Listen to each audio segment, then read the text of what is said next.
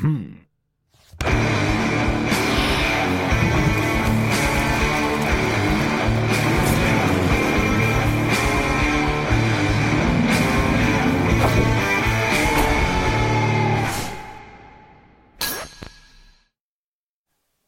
je uh, veliki dan u kao mom životu iz uh, više razloga i super mi je što si ti baš gošća na današnji dan. Danas, O. je, dana, danas mi je prohodala čerkica. I Evo, pre dva sata je napravila svoje prve korake i ono, snimili smo to i kao super je što im zabeleženo telefonom kao prve, prve korake. Ovaj, I ono, barem neke lepe vesti u celom ovom ludilu. Mada ja moram priznati da je baš teško kada ti dete prohodava, progovara i rastuje svi zubi fazon u isto vreme u ovoj izolaciji. Znači, nema ni vrtića ni ničega. To je jedna stvar. I druga stvar koja je super je što a, je ovo prva epizoda u kojoj zapravo imamo ljude koji nas podržavaju i koji su prepoznali vrednost našeg podcasta i rešili da nam pomognu posebno u ovo krizno vreme. Ovaj, u pitanju su prijatelji iz kuće Red Bull. Čekaj, hoćeš Red Bull?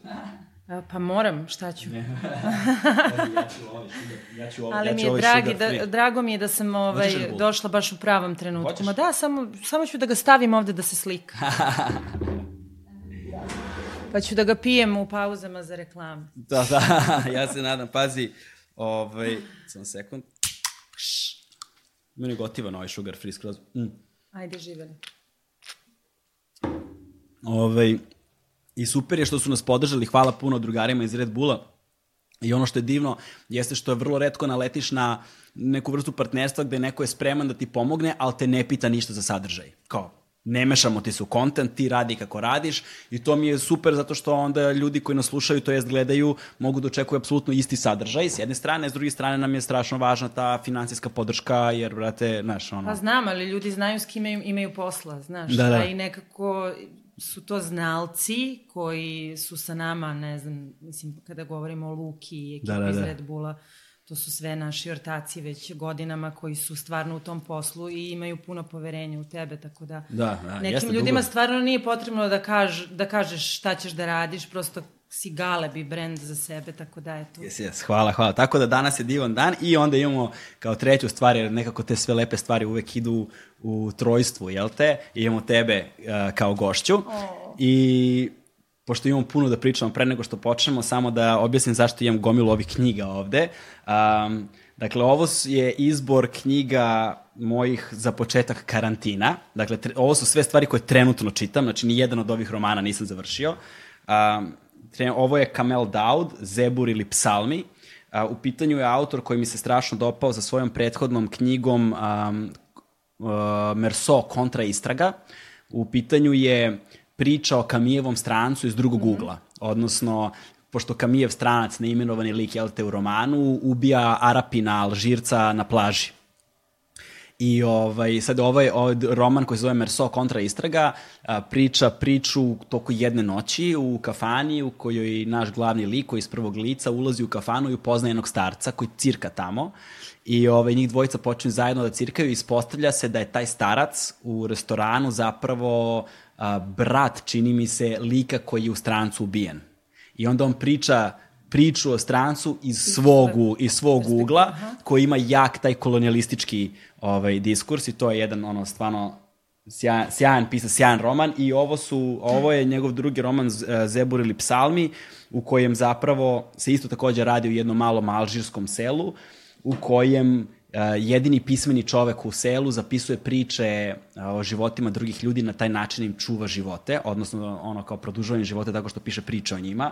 Započeo sam ga, stvarno je dobar, pesničke slike su mu stvarno jake. Čitaš četiri romana paralelno. Čitam 4-5 uvek. Za, u- uvek imam uh, u zavisnosti od raspoloženja. Znaš kao koji Doba mi... dana, Pa raspoloženja. da, da, da, znaš, zavisno, ovaj, ovo je u pitanju fabrika knjiga, uh, jedna od mojih odmiljenih izdavačih kuća. Pozdrav za Dejana Ilića iz Fabrike knjiga. Dakle, ovo, su, ovo je roman koji se zove Golubovi u travi. Ovo je roman koji mi je preporučio Srđan Valjarević lično. Bili smo zajedno knjižari i bio je u fazonu ovaj roman moraš da pročitaš i onda sam ga uzeo. Wolfgang Keppen je u pitanju, autor. Golubovi u travi je roman o post-ratnom Nemačkoj, dakle drugi svetski rat, kraj drugog svetskog rata u Nemačkoj. Sad ide to tranzicijono vreme nakon rata koje je nama svima vrlo dobro poznato. Ko su bili ljudi, kako je se opisalo to vreme, slikavalo, ko su bili ratni profiteri tog vremena i tako dalje. Zanimljivo. To ovaj, Mogla to. ja možda da pročitam. E, ovo je roman verovatno mog sledećeg gosta u podcastu. Evo, najavljamo prvi put i sledećeg gosta. U pitanju Igor Štiks. Um, Igor Štiks, politički uh, teoretičar, profesor na univerzitetu u Edimburgu i pisac između ostalog. Najpoznatiji je po romanu Elijahova stolica koja je rađena, ima adaptacija pozorišne predstave koja je genijalna. Ovo je njegov novi roman koji nosi naziv W, odnosno duplo V, jel te? I ono, ovaj ću roman uskoro završiti i baš je, u pitanju je kombinacija više žanrova, recimo ima taj detektivski moment, ima suspense, taj pisan je vrlo jednim laganim i dobrim proznim stilom, očišćenim jezikom, koji prožima i političku teoriju i intrigu i misteriju i tako dalje. Vrlo je zanimljivo, ovo je novi roman, pre nekoliko dana se pojavio, dakle W. Igora Štiksa.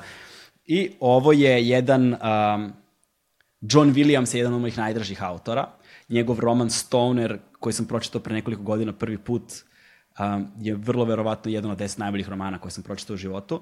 A ovo je njegovo, uh, kažu, remek delo američke književnosti, ali je u pitanju western. Western koji nosi naziv Butcher Crossings. Njega sam tek počeo, tako da ne mogu puno toga da kažem, ali o Johnu Williamsu zaista mogu da kažem sve najlepše. Ovaj, I roman koji sam izdvojio uh, za tebe je roman koji je dobio nagradu National Book Award, dakle američka nagrada nacionalna za najbolji roman, koji nosi naziv Svet po Garpu Johna Irvinga. I Garp je zapravo lik, životna priča lika koji se zove Garp, koji je sin a, jedne od najžešćih američkih feministkinja koja je delovala tamo za vreme početkom, ne za vreme, za vreme drugog svetskog rata i to nakon napada na Pearl Harbor kada je taj kao ceo nacionalni ponos američki značajno skočio i kada su uh, se prijavljivali dobrovoljci masovno u i kada je status američkog vojnika bio baš visok u Sjednjim američkim državama, gde je ona u vreme kada to nije bilo popularno je ovaj, pokušavala se boriti za ženska prava i uh, pročitaću samo jedan uvod vrlo živopisnog i romanesknog lika sa početka romana, uh, koja žena se zove, znači Garpova majka zove uh, Jenny Fields. Bo Bostonska milosrdna je naziv poglavlja. Počeću samo ću kratko, neću da smaram previše. A, kaže ovako, Garpova majka Jenny Fields bila je uhapšena 1942. godine u Bostonu zato što je ranila čoveka u bioskopu. To je bilo netom pošto su Japanci bombardovali Pearl Harbor. Harbor. Ljudi su tada bili tolerantni prema vojnicima zato što su odjednom svi bili vojnici. Ali Jenny Fields je bila odlučno netrpeljiva prema ponašanju muškaraca uopšte, a vojnika pogotovo. Morala je tri puta da menja sedište u bioskopu da bi se vojnik svaki put pomerio bliže njoj, sve dok nije sedela uz buđav zid, gde je pogled na filmske novosti bio skoro blokiran nekom blesavom kolonadom kada je odlučila da neće više ponovo da se premešta. Vojnik je još jednom ustao i seo pored nje. Jenny je imala 22 godine, ispisala se s koleđa skoro odmah posle upisa, ali je svoju školu za medicinske sestre završila kao đak generacije i uživala je u tom poslu. Ona je bila mlada žena sportskog izgleda. Obraza uvek rumenih, imala je tamnu, sjajnu kosu i ono što je njena majka nazivala muškobanjastim korakom. Zamahivala je rukama. A zadnjice i kukovi bili su jako tanki i čvrsti, da je od pozadi podsjećala na dečaka. Po Jeninom mišljenju, grudi su i bile prevelike, smatrale da je zbog svojih raskošnih grudi deluje jeftino i lako. Bila je daleko od toga, zapravo ispisala se s koleđa kada je posumnjala da je roditelji šalju na Velesli, pre svega zato što se zabavlja i na kraju spari, pre svega zato da se zabavlja i na kraju spari s nekim muškarcima iz dobre porodice. Preporuka za Velesli stigla je od njene starije braće koji su uverili roditelje da se žene s Veleslija ne gleda olako i da se smatra da im je potencijal za udaju visok. Jenny je osetila da je njeno obrazovanje zapravo fin način za ubijanje vremena, kao da je ona u stvari krava koju samo pripremaju za unošenje aparata za veštačku oplodnju. Odlučila je da studira englesku književnost, ali je kada joj se učinilo da se njene školske drugarice uglavnom trude da steknu veštinu i odgovarajući stav za baratanje muškarcima, bez problema je ostavila književnost, književnost u korist medicine. I ona počinje tu sad svoj život kao uh, medicinska sestra koji se posle razvija i način na koji dobija svog sina, čiju životnu priču se posle, čiju životne priče se posle priča, je negde zapravo i odličan uvod ovaj, za tebe. Hvala ti. Nisam još nikoga izbola, ali verujem, zahvaljujući ovakvim feminiskinjama, mi danas možemo da se borimo za ravnopravnost na neke druge načine. Možda čak da. i nežnošću i nekako je postalo sve i suviše agresivno. Mislim da je sada uh, došlo vreme kada možemo da integrišemo svoje snage uh, za zajednički cilj, muškarci i žene. Mislim da je nežnost i ljubav ono što će sada da nas dovede do te neke jednakosti. Jer mi žene kada se probudimo, da. uh, onda treba da uhvatimo muškarce pod ruku i bez tog više agresivnog, nije više vreme uh, agresivnog feminizma, nego baš nekako da kroz tu svoju energiju osvestimo uh, ravnopravnost i ljubav među polovima. E sad, ne znam, možda sam suviše romantična, verovatno ti 20-godišnja Una ne bi sve ovo ovako pričala. Pričat ćemo i o 20-godišnjoj da. Uni koja je bila a, dosta progresivna za vreme u kojem smo živeli definitivno. Mm -hmm. Baš mi je u jednom od prethodnih podcasta gošća bila Ida, Ida. Mm -hmm. i onda je Ida pominjala kako su njoj pičarke na travi bile fenomen, ono, kao mm. ludilo, kao to što ste vi radile u to vreme, to nije moglo da se vidi nigde prosto na prostoru možda bivše Jugoslavije. Sad ne mogu da tvrdim jer ne znam, ali ona tvrdi da u Hrvatskoj toga nije bilo, mi znamo da toga nije bilo ovde u Srbiji. Tako da svakako i jedna prijateljica aktivistkinja je lepo rekla, kaže, treba da budemo srećni što žene traže ravnopravnost, a ne osvetu. Mm -hmm. Mm -hmm. Znaš, u tome postoji ovaj, zaista mnogo istine.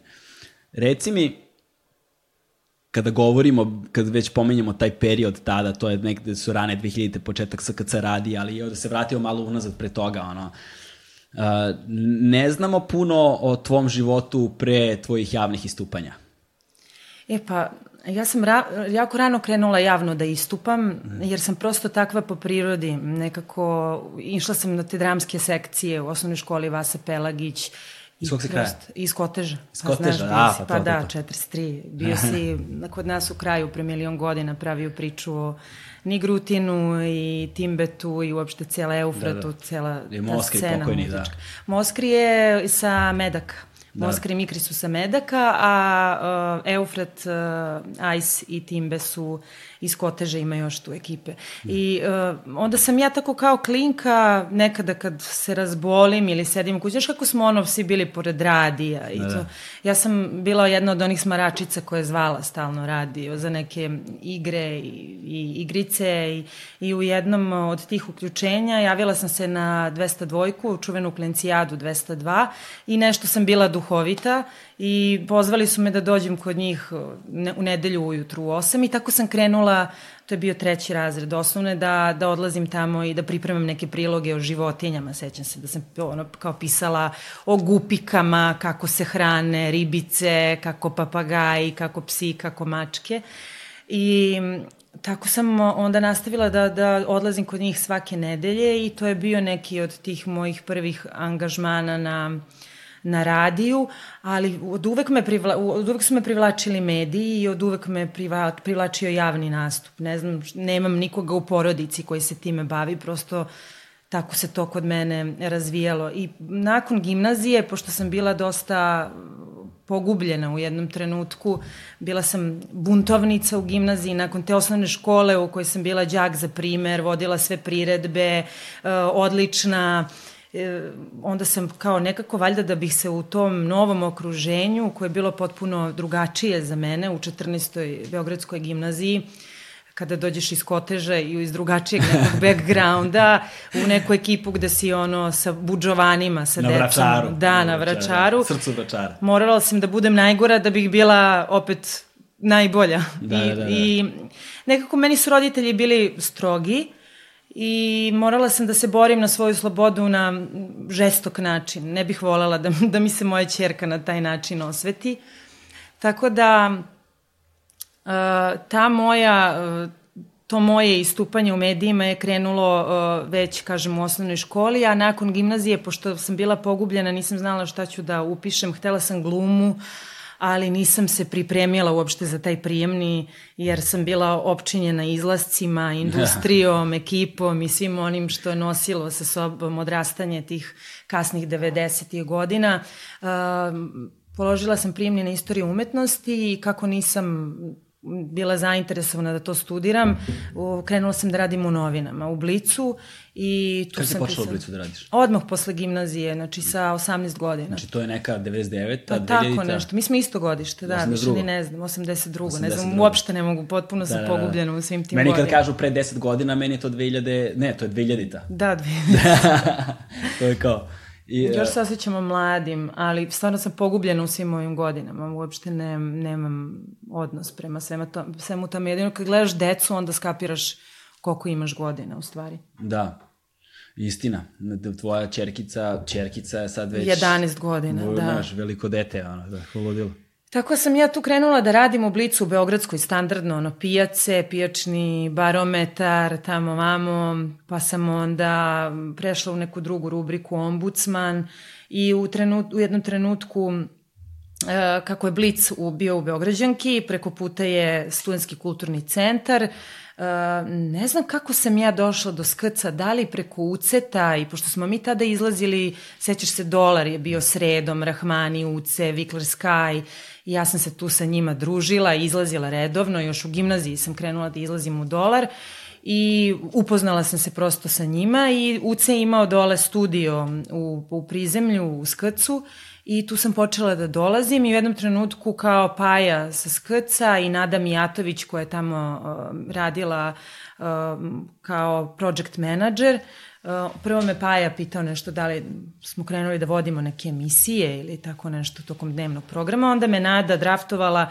da budem PR, pošto nije postojala PR služba u Skrcu i tako se sve to ispovezivalo i kasnije su tu krenuli da dolaze bad copy. Iako sam ja njih znala kao klinka iz kraja, kao lude repere, ne. nisam toliko blejala sa njima, ali prosto smo se kroz SKC radio ponovo povezali i tako je krenula potpuno ludnica u tom skrcu i, i stvaranje te scene koje sada opet onako, znaš, ono, gledaš i ne možeš da veruješ šta se sve tu dešavalo i kao što su nama tada govorili tih 2002. 3. e, kakva je bila u skrcu scena tih 70-ih, 80-ih godina, tako sada gledamo sa, sa tom nostalgijom i, i nevericom na, na dane koje smo proveli tih ranih 2000-ih u Studenskom kulturnom centru, stvarno je. Neko je jednom prilikom rekao da je SKC radio i sve što se dešavalo oko radija možda poslednji bastion kontrakulture koja, koja zapravo nakon toga zaista više nije bilo. Znači, danas reći za nešto da je kontrakultura je vrlo upitan pojam šta uopšte danas predstavlja pa ovo kontrakulturu, da. jer je sad sve jedan blend stvari, mm. jer kulturne matrice više ne nose tu dubinu značenja, samo se brzo smenjuju, više je sve stilska odrednica nego zapravo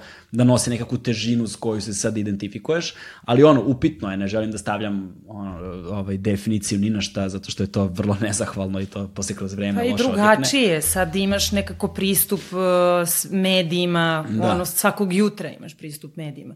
A ovde je ono kao bilo potpuna e, ludnice da ti odeš i da čitaš u sred noći, ne znam, neku knjigu u programu ili pustiš film koji ide audio i praviš potpune ono diverzije u svakom smislu.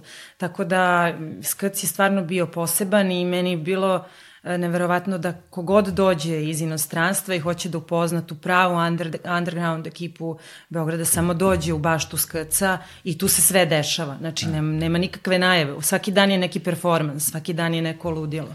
Tu je bilo, ovaj, sećam se, Paja mi je pričao, isto nekada davno sam pisao neku priču o radiju SKC i onda mi on rekao, kaže, brate, kaže, znaš, ja imam kao neku, jedino je on valjda imao neku istoriju rada na radiju. Mm -hmm. Znaš, i onda je bio u zonu, Kaže, ja do, dođem i, znaš, normalna stvar je na svakoj radio stanici svako malo da se uključiš u program i kažeš ono, dobar dan, danas je, ne znam, taj, taj dan, toliko i toliko stat, sati, vreme, temperatura na polju, nekakve vremenska, nešto se kaže, znaš. Ali kao, ne i na skrcu, ne, da. I onda kaže, došli sam na radio sa kad se uključivali su se voditelji u program uživo i onda su govorili pogrešno vreme, pogrešan dan, znaš, kao, izmišljali su koliko je sati i onda ljudi koji, znaš, oslanjaju se Mislim, to je vreme pre interneta, pre da, mobilnih telefona. Svo, sve, sve poverenje je bilo usmereno na, na medije, prosto Da, da, da. kao to je bilo... To. Kad ti kažu koliko je sati na radiju, Toliko. toliko je sati. Ti To je organi- 9-5. I kao kažu pogrešno vreme, ljudi počnu da ono, žure na sastanke na koje posle kasne. Ali da, da oslikamo ljudima koliko je zapravo SKC bio rasadnik uh, onoga što su danas dominante kulturne matrice, ovaj, što je tad bio totalni underground, moramo malo da oslikamo to vreme, tu ekipu, taj život, to bitisanje tamo, ti si jedna od osoba koja je najviše vremena provodila u tom okruženju. Prosto ti si bila voditelj koja je tu kroz dnevni sadržaj koji kakav prolazio svaki dan. Pa da, bilo nam je teško da odemo svaku u svoj hud uh, u sred noći i onda se vrlo često dešavalo da zabodemo tu na radiju. Vikler je živeo u sobici uh, radija SKC. Uh, dole su uh, u prizemlju studiju imali Uce, pa Nastić i Deki Milićević, a gore Vikler i svi redom su se smenjivali, nastali su albumi, bet kopija, mislim da li dva albuma ili tako nešto, hiperprodukcija, Uh, ma, mislim, Prti neverovatno, Duboka nastali. ilegala, Prti BG, uh,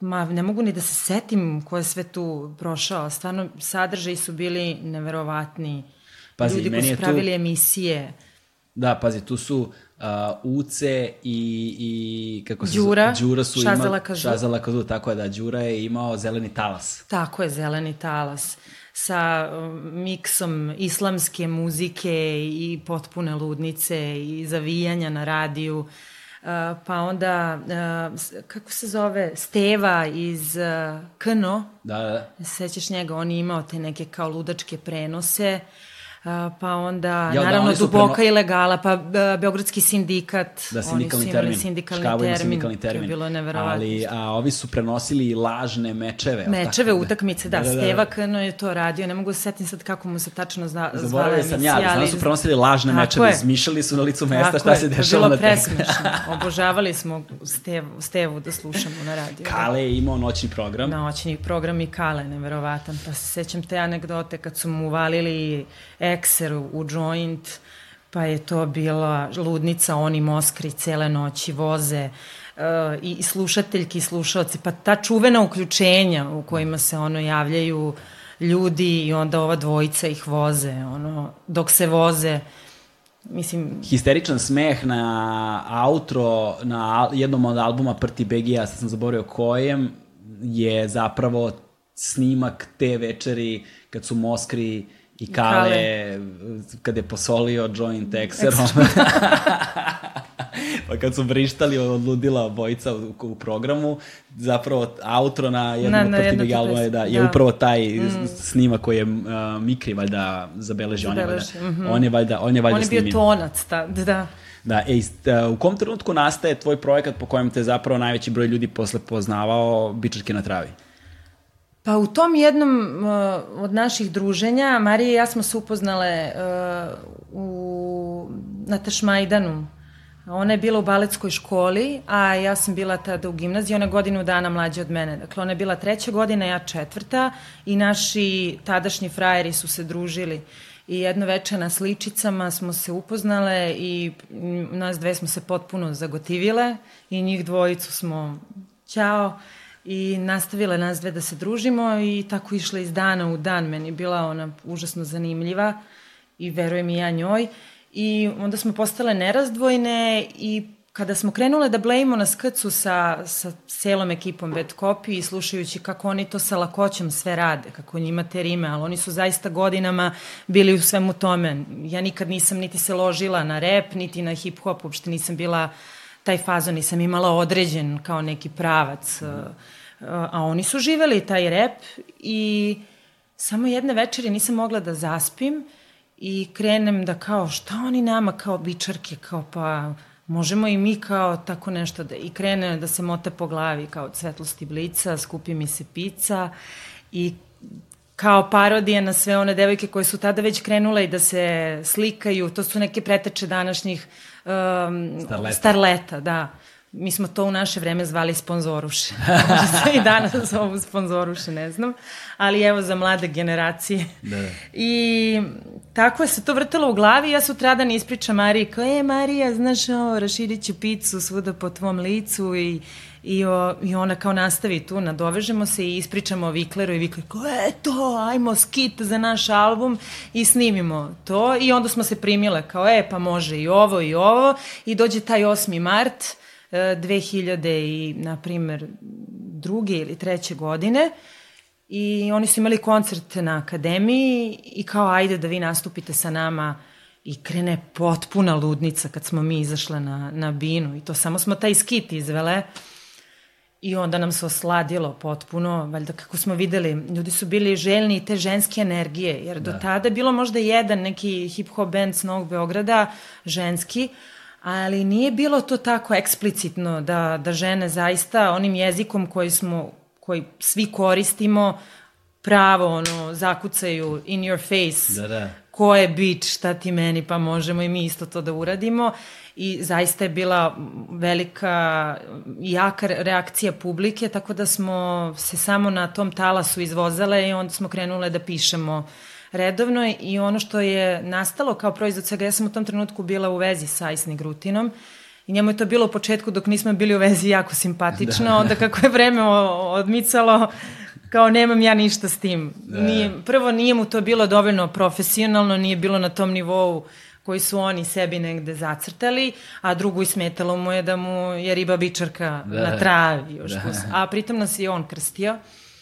I tako da smo mi onda krenule da nastupamo, Eh, veliko se interesovanje tu nekako i medija i svih oko nas stvorilo eh, za, za to sve što radimo i sećam se da smo dobile poziv za Sloveniju, što je u tom trenutku bilo onom to sada ne mogu klinci uopšte da skapiraju, da ti imaš tu blokadu, da ne možeš nigde da ideš bez vize, e, da onaj, onaj pasoš ni malo ne vredi, da jedino kao mesto gde si mogao da odeš, ja sam imala sreću da sam pre toga išla u Englesku jer sam upoznala neke ljude na moru, ali kao to je jedino mesto pored Mađarske gde smo putovali u tom trenutku i kao dobiješ sad poziv na koncert u Sloveniji koje je tada u Evropskoj uniji, nam je to bilo wow, kao imamo koncert u Ljubljani u Mariboru da. i odlazimo tamo na taj festival Mesto žensk gde kao dobijamo još veću pažnju i odlaziš negde u Evropsku uniju i kao putuješ i to nama sve bilo jako zanimljivo. I to, to je ono što je nas vozilo. Mi smo tu bile na neki način feministkinje, ali nesvesno. Da. Uopšte nismo imale predstavu šta radimo. Uh, Čak mislim da nismo ni bile prihvaćene na pravi način uh, od ljudi koji su možda bili iz tog nekog drugog miljeja. Ono, bilo je lako da skapiraju ljudi koji su u nekom undergroundu, koji kapiraju muziku, koji kapiraju bunt, koji kapiraju punk, koji kapiraju, kampiraju. Kampiraju, da. Kampiraju sve to, ali um, Za one koji su bili mainstream, mi smo bile samo dve vulgarne klinke koje traže pažnju. Neki su nas kao i, i definisali kao da smo zlostavljane, da su nas ono držali roditelji u, u podrumima i da smo onda zato poludele i krenule da pričamo sve i svašta, ali zapravo ne, to je bila baš onako slika i prilika i, i odraz svega što se dešavalo u našoj generaciji i to je to. E, tu nije bilo laži, nije bilo prevare i onako čisto sirovo ono kako smo se mi izražavali u tom trenutku i kako smo odrastali u tom trenutku. Da. To. Jedino je takva stvar mogla da bude rođena, da je autentična u autentičnom okruženju iz autentičnih likova. Znaš, nije mogla da bude smišljena, nije mogla da bude morala je da bude spontana. Morala, morala je da bude spontana. I pos, ono što je posebno zanimljivo u vezi sa projektom Bičarke na travi, mislim sad možemo da kažemo projekat, projekat to, ta, da, to je to nije bilo, projekat, da, da. to nije projekat u suštini, nego nešto što je spontano nastajalo, ali kada posmatramo sada taj uticaj, posebno je meni, znači, je, nekako bili smo deo toga, znači, -huh. znači, bili smo tu prisutni, ti si to radila i sve kada ti je suviše blizu i blisko, ne doživljavaš ga na neki ne znam sad kao wow način, znaš, nisi nek, nismo mi bili outsideri u svemu tome da posmatramo to sa spolja. Pa da. Znaš, i onda kada mi je Ida bila ovde i kada je Ida pomenjala kako je njoj to izgledalo tada, to mi je nekako osvetlilo tu stvar iz novog ugla. Znaš, koji Volala ja bi da sam to čula, ali bila sam u Indiji kad ste pa nisam posle odgledala. Šta kaže, da. Da, da, možda poslušaš. E, na koji način je to ostavilo efekat i onda sam ja nekoliko dana razmišljao zapravo o tome. Znaš, I razmišljao sam da je neverovatno da su se bičarke pojavile uh, baš u tom okruženju. Znaš, zato što hip-hop kao subkultura, sada mm -hmm, i mainstream mm -hmm. kultura, je zapravo ultra mačo. Mm -hmm. Uvek je bila ultra mačo, znači nigde nije bilo mizoginije koliko je bilo u hip-hopu, a kad već govorimo o muzici, znaš. I ovaj, da se unutar toga pojavljujete vi koje preuzimate, vas dve koje preuzimate tu matricu, celokupan taj kulturni habitus i prevodite ga na jedan potpuno, baš zato što je spontan, a, a, a, prirodan način, nije delovalo tu ništa usiljeno, nije delovalo ništa isfolirano, nije bilo ničo, potpuno je bilo kao, i onda je imalo taj šok efekat. Nije bilo filtera nikakvih Nikako, da. zapravo, da. ne, ni u audio smislu, ni u da. smislu pisanja i, i prezentacije tih rima. Potpuno je iskreno i to je ono što što je u stvari meni kvalitet svega toga. Ni nema ni, ni jednog drugog kvaliteta, to nema nikakvu muzičku vrednost, nema, ali upravo ta iskrenost i poruka koja sa sobom nosi, mislim da ima najveću vrednost celog tog projekta, nazovimo, Bičarke na travi. Koliko, su, koliko je trajalo to? Pa trajalo kratko, na primjer dve i po, tri godine, tako nešto. Ali odjekivalo dugo?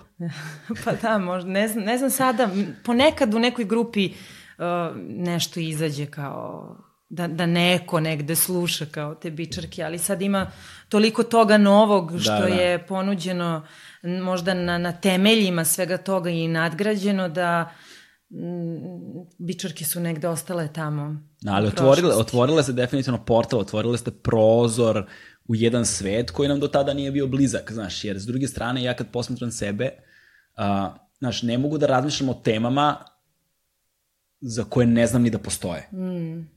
Znaš, prosto, neko mora da mi otvori, da vidim da nešto postoji, da budem u fazonu, wow, postoji to, i da onda počnem da razmišljam o tome. Ne mogu nekako sam, samostalno da iskoračim u svet za koji ne znam ni da postoji.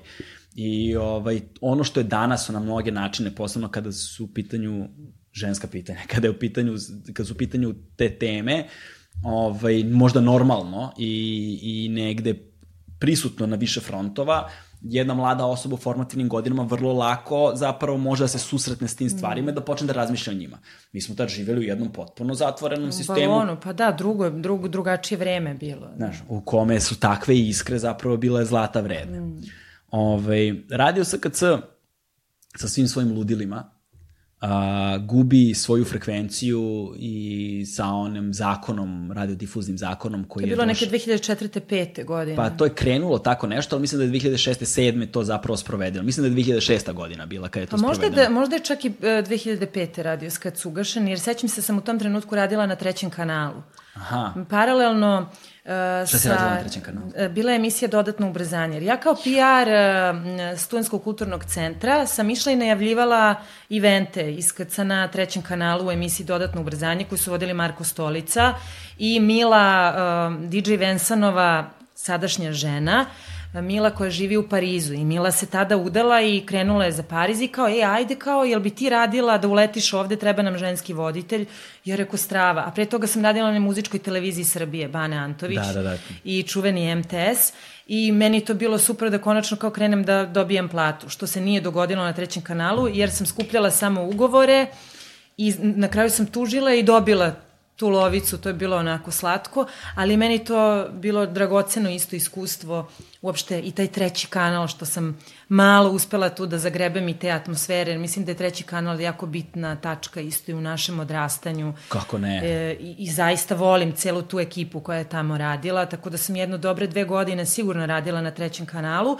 i kada su ga ugasili, paralelno sa SKC radijom, čini mi se da je to bilo te 2005. ili 6. ajde, Prebacili su nas u muzičku redakciju uh, eh, RTS-a, gde je bilo dosta manje angažmana, sve se svelo na Exit festival i nije bilo toliko muzičkih emisija, bila je garaža koju su tek bili nešto ukinuli, tako da se to sve svelo samo isključivo na, na Exit festival i reportaže sa Exita i kasnije kad je bila Eurovizija u Srbiji 2007.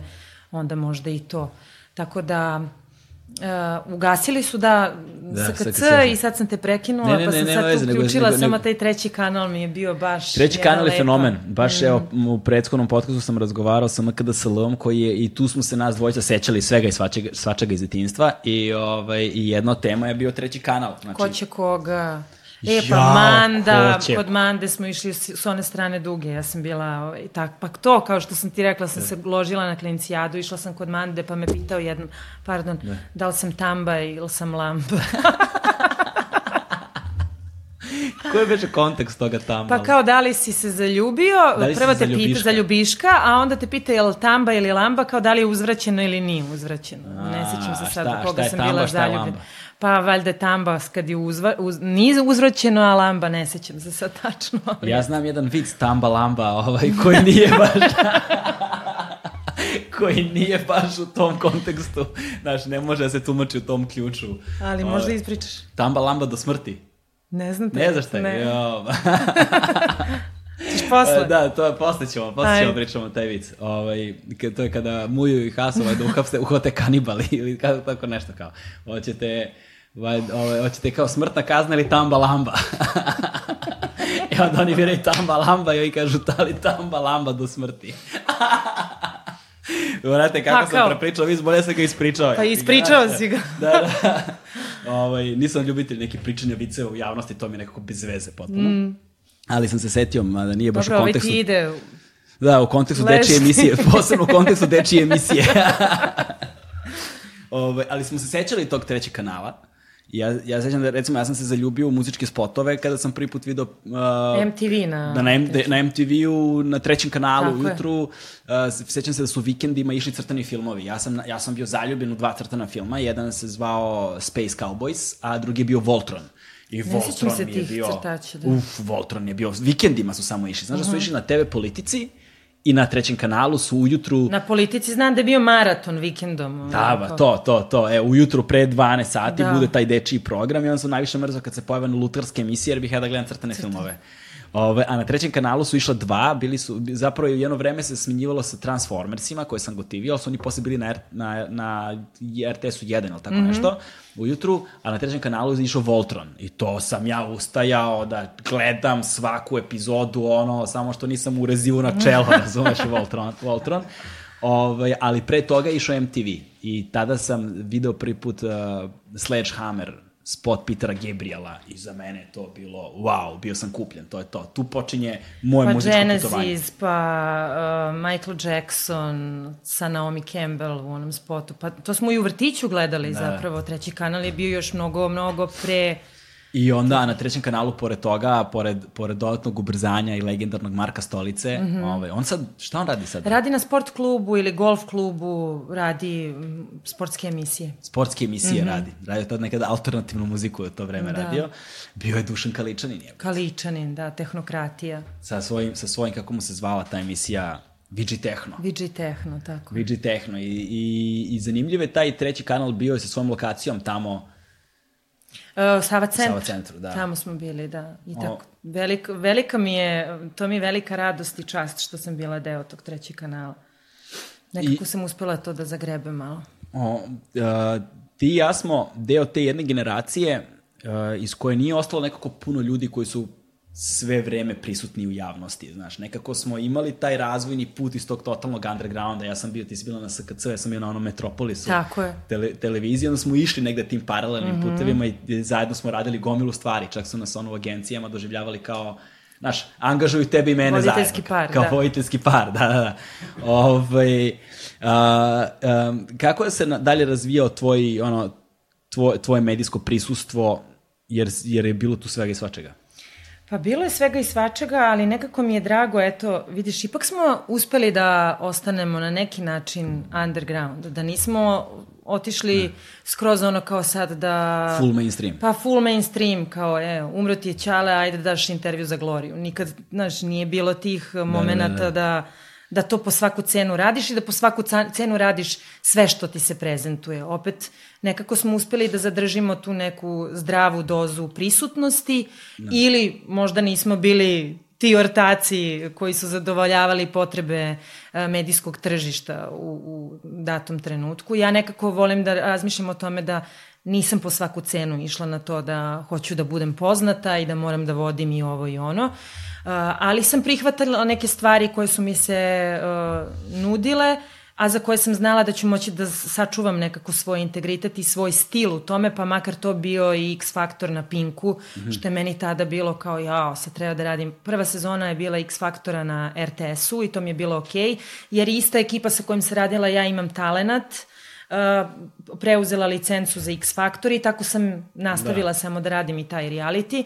A uh, onda je sledeća sezona bila na Pinku, onda sam bila u fazonu, jao, kako ću, da li sad to kao, da li je to moralno, da li je to okej okay da radim. Uh, međutim, uspela sam nekako da isto sačuvam taj svoj stil u svemu tome. Možda zato što im nije bilo ni toliko stalo do te emisije koje sam radila, koja je bila propratni sadržaj uz veliku i glavnu emisiju u kojoj sam bila u backstage-u, a možda i, i do toga što je to neki moj skill da mogu da zadržim prosto volim i to da, da na taj način da razmišljam o sebi. To, je nek, to su neki kao komentari koje sam dobila. I da, radilo se svašta. Radila sam posle uh, tog RTS-a, zvali su nas da radimo Survivor, pa kao reporter sam išla u Panamu, to mi je bilo Kako jako zanimljivo. Kako je to iskustvo, majke ti? Pa meni to iskustvo bilo posebno i zbog toga što sam te godine se upoznala sa Vukom i dve svojim nedelje mužem. svojim mužem, da. Dve nedelje pre toga uh, smo se mi smuvali i to je krenulo kao ludačko zaljubljivanje i ja odlazim u Panamu i opet prvi put neka tako egzotična destinacija, bilo je nas 30 koliko se sećam iz Srbije, Ogi između ostalog iz Beogradskog sindikata u produkciji, uh, pa eto da kažem koje od tih nekih možda koje, koje poznajemo, ne mogu sad ni da se setim koga bi ti još mogao tu iz ekipe da znaš, ali uglavnom velika ekipa i tako jedno veliko prekookeansko putovanje, gde isto uh, gomile nas koji prvi put dolazimo na jedno tropsko ostrvo posle 20 sati putovanja, ono, u šoku gde ćemo da budemo i šta ćemo da radimo. I uh, Vuk i ja smo s namerom pravili uh, bebu, međutim ja sam uradila test pre nego što sam krenula u Panamu, znajući da će da budu surovi uslovi. Da. Test je bio negativan i nakon mesec dana rada u Panami ja provaljujem da mi kasni ciklus i radim test i provalim da sam trudna I u onda Panami? sam u Panami.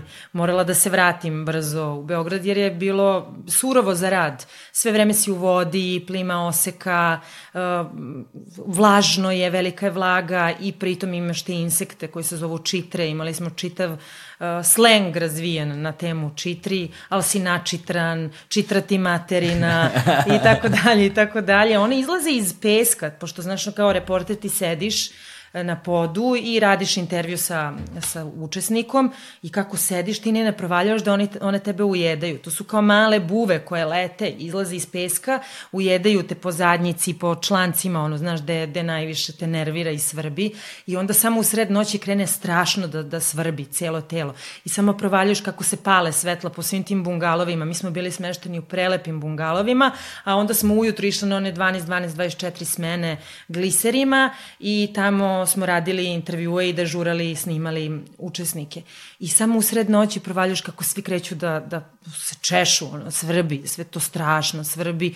Ako, ako nisi dovoljno kontrolisano, otvaraju ti se žive rane na nogama i na rukama, na zglobovima, oni tu mogu da slegnu i jaja i svašta bude tu svakakve komplikacije. I jedina stvar koja može da ih otrese sa tebe je taj jedan sprej koji se zove off, a koji topi tehniku. Znači ti bukvalno da ga malo kaneš na nešto od uh, opreme, ono počne da se deformiš oh, yeah. i zabranjeno je za trudnici. Tako da sam ja ono brže bolje, trebalo da ostanem dva meseca, a otišla sam posle mesec dana. Ali to iskustvo je bilo isto dragoceno zbog toga što smo radili prvi put uh, uh, na tom ostrvu gde su pre nas snimali Izraelci i Bugari koji su imali iskustva, pa smo se sa njima družili, pa je tu bilo Aref Zabi, njega znaš, da, on je da, bio Aref, montažer, pa smo se tu družili svi prvih deset dana smo imali, ili pet, ne znam, ne sjećam se, adaptacije i kao dok se sve setovalo, tad smo se baš dobro zezali. U jednom trenutku, dok ja još nisam bila svesna da sam trudna, divljački sam džuskala i zezala sam se, uh, Bugari su odlazili sa Kontadore, sa tog ostrava, mi smo došli pa smo imali zajedničku žurku, onda su me zezali svi ovi iz ekipe da sam Bulgarian party princess. Možeš da zamisliš šta je to tamo bilo. Znači, pokolj, bilo je mnogo je bilo dobro. I tako da mi je ta Panama ostala u, u jako lepom sećanju. Posle toga sam samo saznala da sam trudna i ugasila sam se, bila sam u fazonu, to je to, Ove, da, princeze su, svoje od plesa. da, tam, tamo su tako, ta, puno ljudi koje za, poznajemo su tamo radili isto. Čovek koji je meni pomogao da postavim moj prvi setup i kadar, Turčin, Goran Kovačević snimatelj, on mm -hmm. je bio mhm. tamo. Maja, snimateljka je bila Maja koja je meni radila sve neke... Sa Metropolisa, naj... da. Ne sa je? Metropolisa, ne, to je Marija. A, Marija. Marija, Marija, Marija, da. Šta je s Marijom, čoveče, nisam je videla e, pa Marija je tu na Voždovcu, ovaj, ona je, mislim, mi smo komši iz kraja s Voždovca tamo na Dušanovcu i ona je... Ona radi još uvek u... Radi, mislim da je na Al Jazeera sada, ili tako mm -hmm. nešto, znam da je radila. Ovaj, ona Marija ista, ništa se nije promenila. A, Maja koja je meni snimala sve ove neke nalođe stvari koje sam radio, ona mi je baš ono bliska prijateljica. Ma Maja, mala Maja, snimateljka, radile smo zajedno da, i... Ja nju zovem Rambo. Rambo, jeste. Znači, ona je bukvalno to, ona je spremna ona je na akciju. Super. Pa radile smo zajedno, mislim, Talenat ili X Factor i ona i ja, super je. I ona je, ona je s njome sam snimao neke od ono najvažnijih stvari koje su mi se dešavale, gde To je ono što ljudi ne razumeju kad se dobro povežeš sa nekim snimateljem, posebno ako je taj snimatelj još i ono DOP, dakle direktor fotografije, neko ko ima jako izraženo estetsko čulo za kadar, za priču, za narativ, za montažu, između ostalog montažeri posebno vole određene mm, snimatelje mm. koji znaju šta je za montažu dobro a koji pritom su uvek spremni na akciju. Maja je jedna od tih, ono... Znači, Maja Radošević. Tako je, Maja Radošević, da, ona je uvek spremna, ona je uvek spremna na akciju i sa njome sam radio to kad sam pio ayahuasku, kad sam išao, ne znam, ove stvari, kad smo radili te neke ekstremne stvari poput gorske službe spasavanja ovih onog, kada mi je potrebna osoba na terenu o kojoj ne moram da mislim. Znači, pa i ko može da te prati da pogledom, prati, da, znači vi ne morate ništa da komunicirate, vi ste ništa. igran tim tako, i to je to, to je jako bitno, da. Da, tako da Maja je tu ono ozbiljan genije. I, i, ali recimo, Ogi mi je pričao takođe da je pakao tamo bio isto mi morali ste da pijete lek protiv malarije neki ili tako Pa da, nešto. dobili smo svi vakcine, lekove protiv malarije, neki su se čak od takmičara i razboleli. Da. Uh, oni su posle toga radili još dve sezone na Filipinima, koliko se sećam i da li je bila još jedna posle toga. Ja nisam to radila, da. ali u kontaktu sam sa tom ekipom i jako su mi dragi. I to su projekti koji su u tom trenutku možda delovali kao m, kao ništa sad nešto posebno. Mislim, oni jesu produkciono zahtevni, ali mi u tom trenutku nismo ni bili svesni koliko su bili kvalitetni, jer nismo imali ovaj nivo trash realitija, nego sad sa ove vremenske distance ti vidiš koliko u stvari bilo kvaliteta i u tom X faktoru i u tom showu ja imam talenat, a posebno kada govorimo o Survivoru, jer zaista je jedan potpuno drugačiji pristup, ne ide se na taj, tu neku senzaciju jeftinu, nego je zaista bila neka priča u kojoj ti možeš da saznaš nešto novo, posebno kada govorim i o, i o Ja imam talenat gde sam ona proputovala Srbiju uzduži popreku u kombiju u potrazi za ljudima koje rade razno razne stvari, pa uđeš u svaki dom, pa vidiš kako ti ljudi žive, pa upoznaš Srbiju iz potpuno jedne nove perspektive, jer i mi ovde u Beogradu malo živimo u nekom ono zatvorenom sistemu i nemamo toliko uvida kako se živi u Srbiji, ti to isto znaš iz svojih putovanja, kako, izgleda, kako izgleda ono, kako izgledaju stanice, kako izgledaju fabrike, kako izgleda život jedne prosečne srpske porodice, gde oni svi jedva dočekaju da, da, da dođeš i da, da ti pripreme, da te ugoste, a u stvari u poleđini ono, vidiš da je to jedan težak radnički život, gde o, velika stvar i velika čast kad dođe neko i obrati pažnju na te mlade ljude koji se bave nečim i zaista imaju neki talent da pokažu. To sada nemaš prilike da gledaš na televiziji uopšte. U kom trenutku ti počinješ da radiš na radiju? Na ovom sada radiju. Pa ne znam kom si radila pre toga. Pa prvo sam radila na 200 dvojci kao klinka, klinka, pa na Skrc radiju, a onda uh, u, u tokom X Faktora Nemanjicu, znaš, Nemanju Kostića da, da. sa B92, oni i ja smo krenuli da se družimo uh, dok smo radili Exit. On je radio Exit za B92, ja sam radila za RTS i mi počnemo da se družimo tu na, u backstage-u, main stage-a Exit festivala. Onda smo krenuli da puštamo zajedno muziku u nekim klubovima i uh, Ana Martinoli, tadašnja direktorka B92, predloži Nemanji da bi bilo cool da ja dođem i potencijalno vodim jutarnji program. I onda smo Maša uh, Maša Popović, Maša Popović i ja da. išla na neki casting za to, meni to tada bilo SF, kao uopšte da radim jutarnji program, kao šta ću ja tu i da pričam i ko će da ustaje tako rano i ništa se nije desilo od toga, ali su oni mene pozvali da imam svoju autorsku emisiju i ja sam uh, osmislila emisiju Zini da ti kažem, koja je išla jedno dve godine na B92 u trenutku kad je već bio kraj 92-ke i kad su već svi pljuvali zašto ne ugasite ovo, već odavno nema veze sa 92-kom. Svi oni koji su bili prvi napustili 92-ku, oni su bili ti koji su najviše pričali o tome kako to više nije taj radio i kako sve treba da se promeni, a u isto vreme to su bili i oni prvi koji su pljuvali zašto je ugašena B92, zašto je Play radio. Da. Dakle, da. to je ono jedno vrzino kolo. Uh,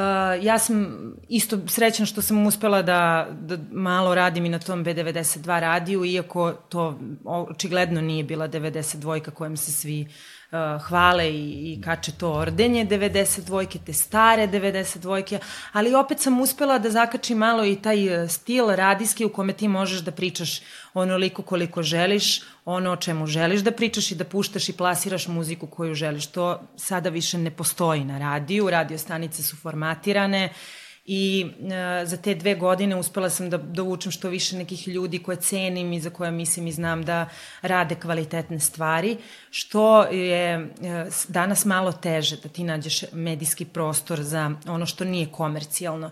Nakon dve godine Grci su kupili B92 televiziju uh, i B92 radio i preimenovali zajedno sa uh, prvom televizijom, mm -hmm. jeli, preimenovali radio u Play i formatirali su radio Šta to znači? To znači da su radili jedno istraživanje mnenja u kome su um, odredili koja će, kate, koja, koju ćemo muzičkoj kategoriji da budemo posvećeni, uh, programirali, sve su ubacili u jedan uh, program kompjuterski, gde je svaka uh, numera pažljivo uh, istraživana i ne može da prođe ako nema određen broj glasova publike. Znači mora da bude komercijalna. I sada ti tu imaš kategorije koje su najkomercijalnije i to ide sve na šafl. Znači taj program bira zapravo muziku koja će da, da se pušta. A što se tiče samog voditeljskog posla, ja sam prvi put bila u prilici da imam obuku zaista uh, gde su Grci uložili u nas lovu, držali nas, dolazili su eksperti, slali nas u Grčku, slali nas u Rumuniju u svoje sta, radio stanice, mm -hmm. antena grupe. Rumunija je u odnosu na nas, znači ne možeš da veruješ koji je to ono Space Shuttle. Evropska unija. Ma da, ma to je haos šta smo mi sve tamo naučili. I onda te treniraju kako ćeš da govoriš, kako ćeš u roku od dva i po minuta da isplasiraš informaciju, imaš front sell, back sell, kako da prodaš pesmu koja je prošla, kako da prodaš pesmu koja će da dođe, a da u ta dva i po do tri minuta ispričaš celu priču, da imaš punchline, uvod i da, da izađeš iz cele priče, a sve to sa osmehom. I to je bilo meni zanimljivo i izazovno, nakon uh, 92-ke kao jao, kako ću ja sad sve to. Prvo mi je bilo šok, Nemanja je postao tada, nije mi bilo šok što je Nemanja postao direktor, mi je bilo šok što sam dobila ponudu da radim jutarnji program, da, da. jer sam bila u fazonu, prvo ja nisam taj tip uopšte, ja sam ono kao izlazim uveče, ja sam u klabingu, ja sam, znaš ono, potpuni divljak. I tako sam ja kao to vrlo hrabro prihvatila, jer mi je to bio izazov na neki način i krenula sam na te treninge, onda te obučavaju, onda kao ja, ne čuješ se, ne smeješ se dovoljno. Mene to bilo, tako me nerviralo, kako ja sad moram tu veštački da se smejem, ja sad tu da, kao, daj mi još malo tog osmeha. Zaista kada govoriš malo, pa makar i da zakriviš samo usne na da. gore, da. drugačije se čuje. A stvarno jutarnji program zahteva od tebe, neće ljudi ujutru da slušaju teške teme, treba da im daš nešto light, nešto pitko, što će da ih diže iz kreveta, što će da im da volju za životom, nema tu mnogo uh, politike u ovom form, formatiranom smislu. Uh, I prvi put se desilo da radio kao takav uh, nakon 92. on bude vidljiv na tom people metru. Znači, da. 92. koja je u tom trenutku bila slušana, bila je slušana za nas, za ekipu. Ona nije bila vidljiva uh, na, na svim tim istraživanjima. A da. ovde se desilo da ti imaš neku tu muziku koja koju realno ne slušamo ni ti ni ja kod kuće, niti bih ikada slušala, slušaju je klinci, ali da možeš da, da čuješ neki program i da imaš muziku koja ti ne smeta i koja nije ono, kao nisu narodnjaci, nije ono što, što da. je broj jedan sada na, na, od, među radio stanicama su ti S1, Hit FM, to ti ono Nataša Bekvalac, Željko Joksimović i to. Da. Znači ne ideš, ne zalaziš u taj naš takozvani pop i narodnjački fazon, imaš taj strani pop, to su ti hitovi, a opet imaš dovoljno prostora, prostora da se izraziš. Meni je to bilo onako, dovoljno mi je dalo slobode u tom trenutku da, i da dovoljno volje da prihvatim sve to. Uh, I tako da sam ostala tu na radiju. E, prve dve godine mi je bilo pakleno dok nisam se dozvala pameti. E, izlazila sam, išla sam iz provoda pravo na radio, gubila sam glas, e, gubila sam razum. Prosto to ne može, to ne funkcioniše tako. To je moglo kad smo bili klinci, to sada u tom trenutku više nikako nije moglo da funkcioniše i onda te 2014. godine mi se tata razboleo i onda sam morala nekako sebe da malo krenem da dovodim u red. Tu sam ono provalila da ću da, da pošizim potpuno. Zapravo 2014 je moj tata preminuo, ali tad je krenula ta neka, neko moje osvešćivanje da moram da uradim neki shift, da moram nešto da promenim u svom životu. Sada ću malo da se Lubrikantom. Da, da. Preko rukavica, tako da. Da, da. tako kineski. Um, ta formatizacija medija je omogućila formate kao što je ovaj podcast. Mm -hmm. Znači, jer formatizacijom medija, a s druge strane tehnološkom dostupnošću i razvojem društvenih mreža i platformi za prikazivanje, dakle, omogućeno uh, je ljudima da lako i relativno jednostavno uz nekakve investicije ukoliko su i moguće, naravno u zapadnom svetu su te investicije ono stvarno priuštive svima, a kod nas, nažalost, to nije, ovaj ceo setup ipak za naše standarde košta mnogo, Ovaj, ali ukoliko se nalaziš ile nekakvim pristojnim mogućnostima, možeš sebi da obezbediš, ajde kao da investiram i da probamo da pravimo jedan format koji nema prostora u tradicionalnim medijima. Ali baš zato što nema prostora u tradicionalnim medijima, stvorio se nekakav Više džep, prostora, da. da. džep kulture mm -hmm. zapravo, ljudi koji zahtevaju, koji traže takvu Drugačiji vrstu, sadržaj, da. da. I te duge formate koje dobijaju na podcast platformama. I podcast je zapravo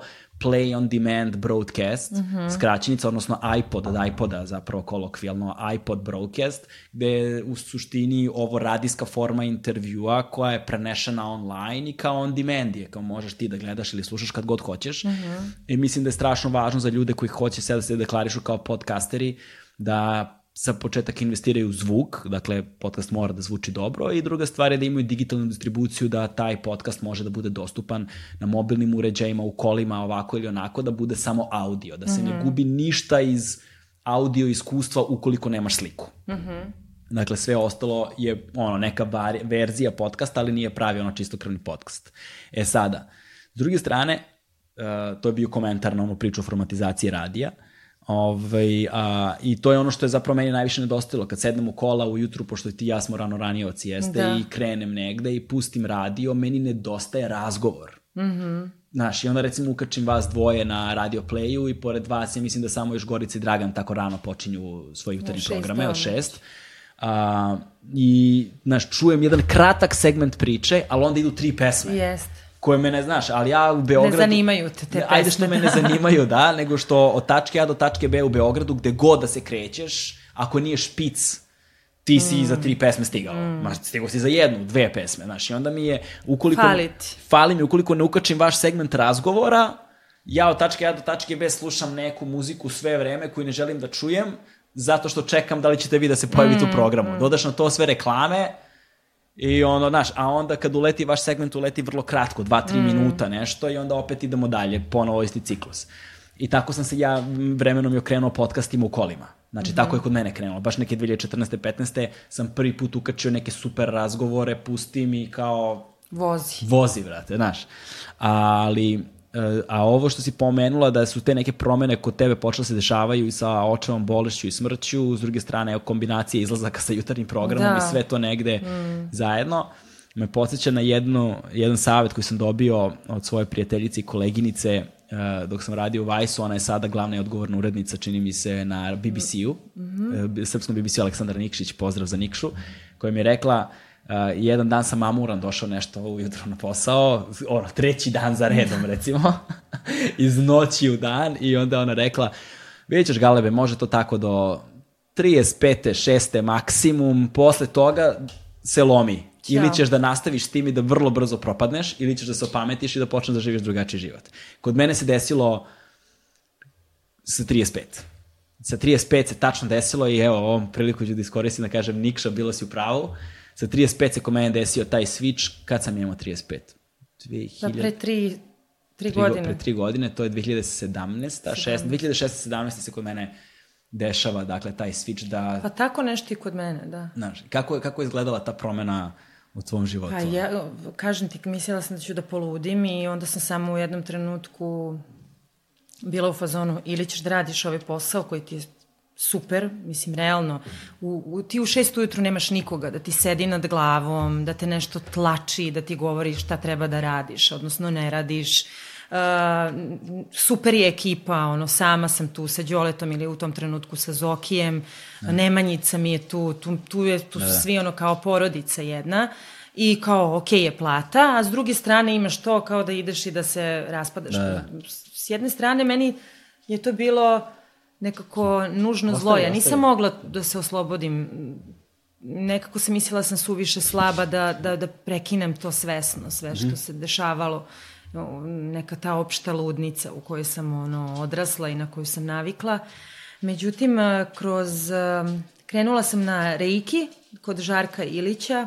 On je... Ja, čekaj, šta je reiki? Meni to nikad nije bilo jasno u stvari. A, reiki ti je način e, isceljenja, u stvari upravljanje energijom koju mm -hmm imamo svi, možeš da postavljaš ruke na različite delove tela i da usmeravaš tu energiju za isceljenje. Ti misliš da to stvarno ima smisla ili...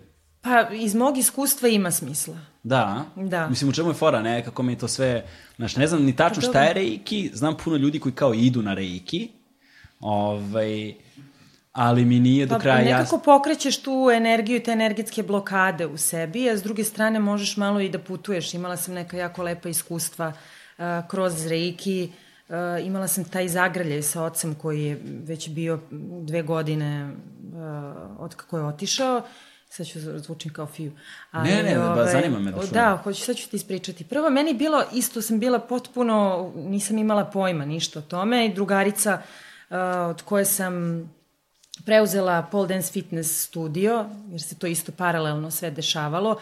Kasnile su mi neke uplate za X Factor, onda je tata preminuo i onda sam dobila sve te pare na gomili i uh, uložila sam novac u pole dance fitness. U jednom trenutku sam se družila sa ovom Mirtom koja je otvorila svoj prvi pole dance fitness studio u Srbiji mm -hmm. i krenula sam na pole dance i bilo mi to jako zanimljivo. Onda kako smo se družile, njena partnerka je se selila u Ameriku i ona je bila u fazonu da li bi ti uh, kao preuzela to i ja sam bila u fazonu ok, imam lovu, ajde da prvi put u životu uložim te pare u nešto, a ovo mi je super priča jer je trening, žene, nekako te drži u tom nekom nekom healthy fazonu, držite u dis disciplini i jako je lepo, o tome možemo da pričamo i posle, ali uh, u tom trenutku kada je Una, ta uh, devojka od koje sam preuzela uh, procenat pole dance odlazila, meni je tata bio jako loš i ona kaže, ajde da te po pošaljem kod Žarka Ilića. I rekao, ajde, iako nisam imala tri blage veze.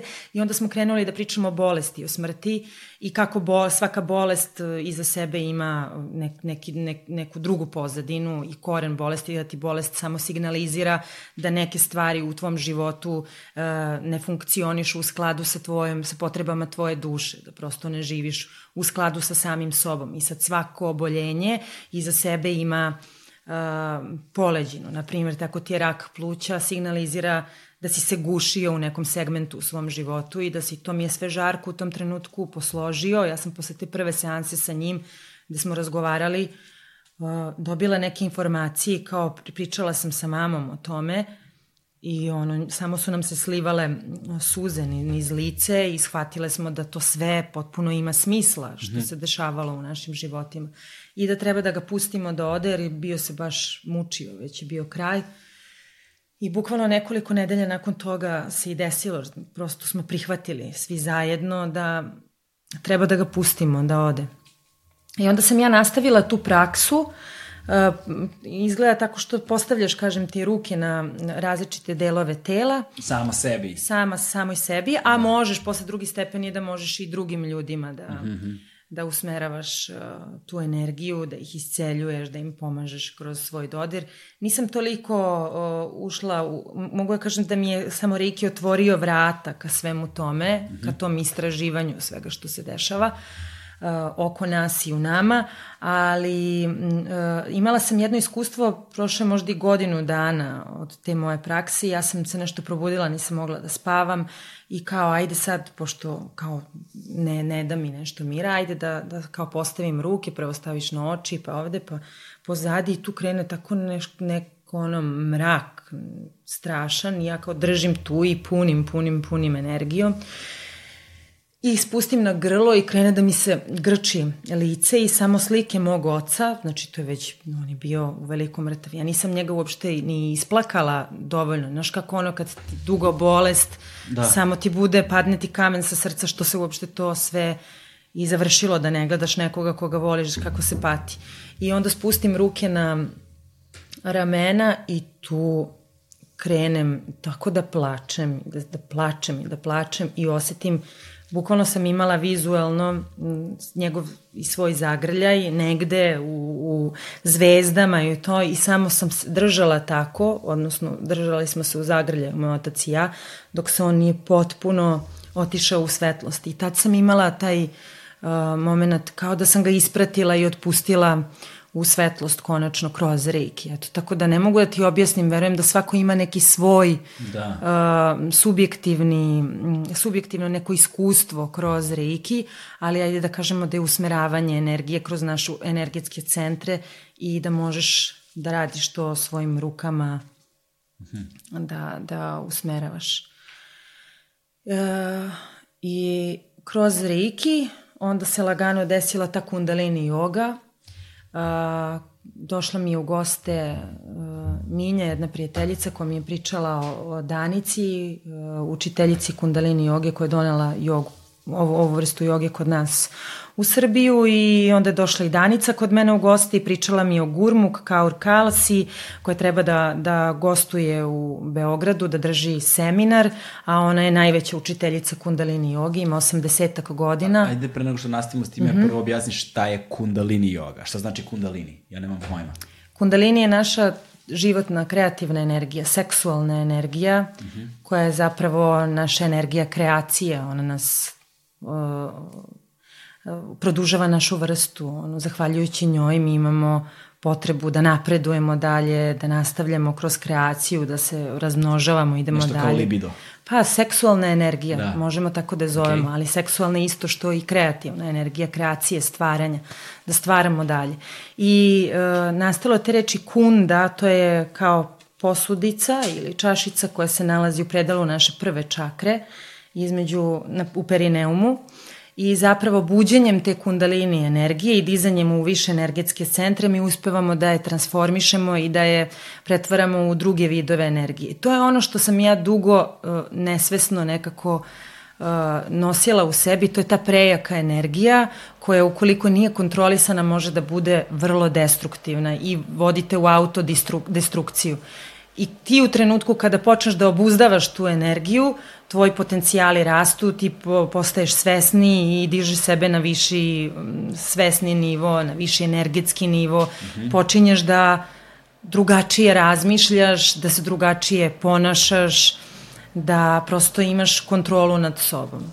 Tako da... Um, te čakre, uh, čakre samo kolokvijalno znam šta su, kao, znaš, znači kada su to nekakve tačke u telu nešto sam video na fotografijama, to je nešto vertikalno, ali jasno ti je potpuno iz ovoga što ti ja pričam koliko je moje znanje. Ali mislim da ti znaš, Galebe. Ne, ne. ne praviš se ti, bles. Ne, ne, reci, reci, reci pa malo dobro, više. Pa dobro, to su energetski centri. Da, da, imamo mislim, objasni više, ali koliko imamo, ih ima. Ima, imamo ih mnogo više u telu, imamo tih uh, sedam glavnih čakri. Imaš prvu čakru koja se nalazi u predelu perineuma, imaš drugu čakru koja je uh, u solarnom pleksu, u, pardon, uh, u, između iznad karlice mm -hmm. i imaš paralelno sa, sa zadnje i sa prednje strane. Znači, to je ta druga, gde su naši seksualni potencijali. to je sakralna čakra i imaš treću koja je solarni pleksus koja se nalazi 2 cm, 2 prsta ispod pupka, zatim imaš srčanu čakru, onda imaš grlenu čakru, onda imaš treće oko i na kraju imaš krunsku čakru i još jednu ekstra čakru, to je naša aura ili elektromagnetno polje. I sve informacije koje imamo i sve predispozicije koje imamo u životu razvijaju se paralelno uh, sa razvojem svih tih naših čakri. I um, kroz traume, razno razne strahove, kroz životno iskustvo dolazi do blokada energetskih, uh, koje mogu da blokiraju naše čakre, neki postaju previše aktivne, druge postaju manje aktivne mm -hmm. i dolazi do disbalansa u našem telu, dolazi do razno raznih bolesti, psihoza, neuroza, e, i zato je bitno u stvari da proradimo tu energiju i da probamo da nekako podignemo celu tu svoju vibraciju, da se zaštitimo od spoljnih uticaja, da napredujemo i da to možemo da radimo kroz različite tehnike i tehnologije. Ja sam nekako sebe pronašla u kundalini jogi, jer je, evo baš Brand Russell, um, sviđa mi se njegovo, njegovo objašnjenje, uh, kažu ako je, uh, sad ne znam na pamet, ali imaš kao Ayengar, yoga je uh, uh, uh, kao kroz gudre je objasnio svaku od joga. Hatha yoga je weed, ne znam ovo, a kundalina yoga je crack ass cocaine. Tako da ono, to je ono, nekako je Yogi Bhajan uspeo da 69. godine, učitelj koji je doneo kundalini jogu zapadnom svetu, da skine one sve hipike sa razno raznih halucinogenih drogi, sa opijata, kroz kundalini jogu, zato što ti dobijaš taj natural high nekako kada kreneš da upravljaš tom svojom energijom, upravo ono što sam ti rekla, da. nemaš potrebe više da eksperimentišeš sa bilo čim drugim u životu, jer prosto voziš se prirodno na toj svojoj energiji, stimulišeš e, endokrini sistem, žlezde luče, imaš e, prirodno boost e, endorfina, oksitocina, razno raznih prirodnih hemikalija u svom telu i onda ti nije ništa drugo potrebno, nisu ti potrebni bilo kakvi stimulansi sa strane. Uh, tako da možeš, kažem, kroz različite tehnologije, meni kundalini yoga najviše legla i sad tu imaš vežbe disanja, imaš asane, odnosno položaje tela, dosta je specifična i drugačija u odnosu na druge vidove joge, zato što je muzika jedan od bitnih faktora, ima dosta mantranja, učitelj meri vreme, tebi bi se možda svidelo ima dosta izdržaja u kojima ti, na primjer, držiš, sad sam, kad sam bila u Indiji poslednji put, 22 minuta držiš ovako ruke i celo telo krene da ti se trese, naravno ne želiš da spustiš ruke i onda kroz bol prolaziš i kroz tu bol aktiviraš uh, različite uh, isto hormone i različite receptore i sebe dovodiš do jednog potpuno novog izmenjenog stanja svesti i kada se opustiš posle svega toga, neviđeni osjećaj, baš balansiraš ceo nervni sistem, jer tebi čim krene da se te, uh, krese, trese telo, da. Uh, tada se aktivira uh, nervni sistem i on se jača. I tako ulaziš u to jedno stanje ekstaze, pa onda u jedno stanje potpune smirenosti kroz meditaciju, gde učiš da razvijaš svoj sad ja ti sve ovako haotično pričam, mislim, ne, ima gomila informacija, ne, ne, ali ovaj, pokušavam da izvučem onako kako mi šta dolazi, da razvijaš svoj neutralni um, jer mi imamo i pozitivan i neutralan um. Kod nekoga je razvijen više pozitivan, kod nekoga negativan, a na, naš cilj je da dođemo do neutralnog Aha. uma, da skupimo sve informacije iz pozitivnog i ne...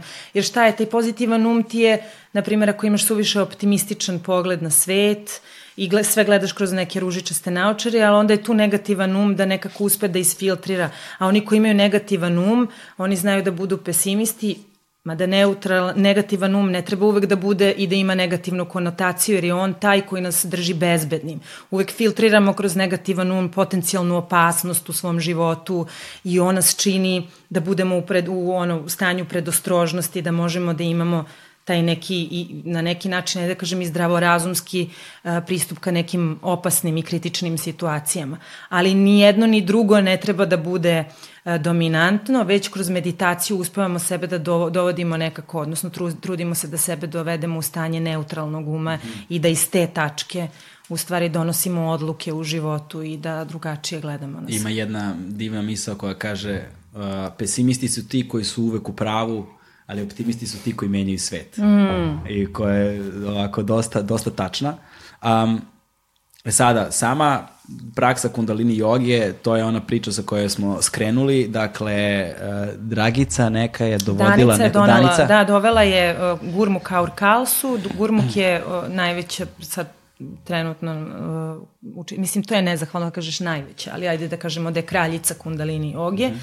Ona je direktna učenica Jogi Bajana, koji, koga sam pomenula, to je, po njemu je celo učenje ove kundalini joge. Uh, do njegovog dolaska u zapadni svet, kundalini yoga je bila prenošena samo sa učitelja na izabranog učenika, a onda je on to sve predstavio zapadnom svetu i Gurmuk je bila jedna od njegovih uh, učenica i ona je kasnije zarazila, ajde da kažemo i Hollywood kundalini jogu, Madonna je jedna koja je od njenih učenica, Demi Moore je vežbala kundalini jogu i mnogi, mnogi drugi. Uh, Jennifer Aniston, da ne pominjem sada, opet sam ga udarila. ne veze. Uh, tako da sam se tu zaljubila kroz njeno, ona je rekla samo, ja sam tada bila još uvek u tom ludilu uh mhm. -huh. i ona kaže, just say yes to India, let's go to Himalayas, uh, make a journey of your life, if you're ready for, for a transformation, just say yes.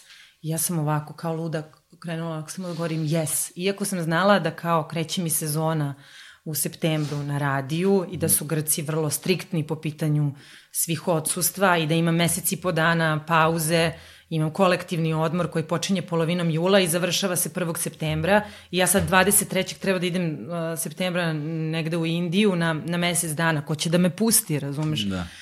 Međutim, ja sam toliko verovala u to da sam bila u fazonu, ok, ako mi daju otkaz, meni je ovo neophodno da ja svoj život ono, nekako stavim na noge, da dobijem tu drugu šansu, da dobijem taj vetar u leđe i da odem u Indiju.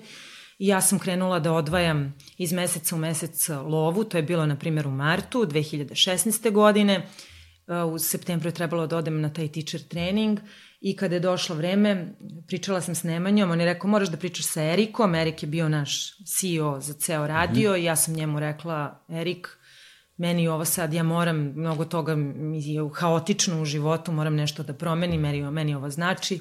I on je rekao, ok, ideš, samo ovaj, treba da se javljaš svakog dana iz Indije, rekao, u, super, to mi je još bolje da se javljam na radio. Tako sam imala veliku i podršku kolega i sad, ali mislim i da se i, i to i radio isplatilo, jer ja više nisam dolazila bez glasa na radio, direktno iz provoda. Um, I mislim da stvarno jeste, ja sam otišla tamo zbog sebe, E sad, kako je, kako je, ajde pričamo malo o odlasku, pošto ono, Indija je mm. jedna vrlo živopisna zemlja, ovaj, i ljudi koji odlaze tamo imaju najrazličitija iskustva. Prosto to, ja mislim, i druga najveća zemlja po broju stanovnika na svetu. Oni su prešli milijardu. Milijardu i da, da, 300 hiljada, 300 e, miliona. A, kako je iskustvo, to je bio tvoj prvi put da si išla u Indiju? Da, 2016. sam otišla prvi put u Indiju. Kako je izgledalo to iskustvo? Pa nekako meni nije bilo toliko, verovatno sam ja bila pripremljena na mnogo gore slušajući priče, mm -hmm. a i nisam ja neki taj tip da sam nešto preterano i, ili gadljiva ili da je meni da. to nešto, meni, ja volim, prosto volim ljude i tako sam, volim putovanja, volim avanturu, meni to ništa nije bilo strano. Mm -hmm. Neki, kaže, ima anegdota kada sleti avion u New Delhi, pola ljudi se samo vrati s tim avionom, a pola ostane. Uh, uh, jeste, bilo je onako kao malo šokantno, tu si u nekom, uh, u nekom hotelčiću gde dolaziš i kao još si u hotelu, jer sam ja uzela hotel, hotel Vuku sam, Vuka sam častila za taj rođendan, poklonila sam mu kartu da i on dođe, iako on bi u fazonu, ne moram da dolazim baš u Indiju.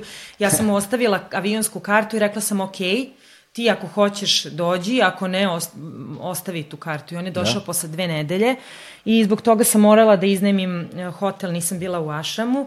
Šta je ali, Ašam? Ašam je u stvari mesto u kome onako dosta u, u skromnim uslovima boraviš dok si u školi i imaš svoje, znači vodiš račun kao, kao neka kasarna, ajde da kažemo, to bi u mhm. vojsci bila kasarna i baviš se svojom spiritualnom praksom. E, nije bila velika razlika s obzirom na to da smo mi ceo dan bili u školi, ustaješ u pola četiri ujutru, u četiri počinje, ili u pola pet je tada počinjala naša jutarnja praksa, to se zove sadana, gde ti imaš svakoga jutro, svakoga jutra imaš vežbe i meditacije i to traje, na primjer, do 7 sati kada je doručak, onda imaš kratku pauzu do 9, onda se opet vraćaš na predavanja od 9 do 1, onda u 1 imaš ručak, pa imaš kratku pauzu do 3 i onda si do uveče do 6 opet na predavanjima i onda u 6 večeraš i ko želi ima još kao to izborno, da li želiš ili ne želiš od večeri do večeri,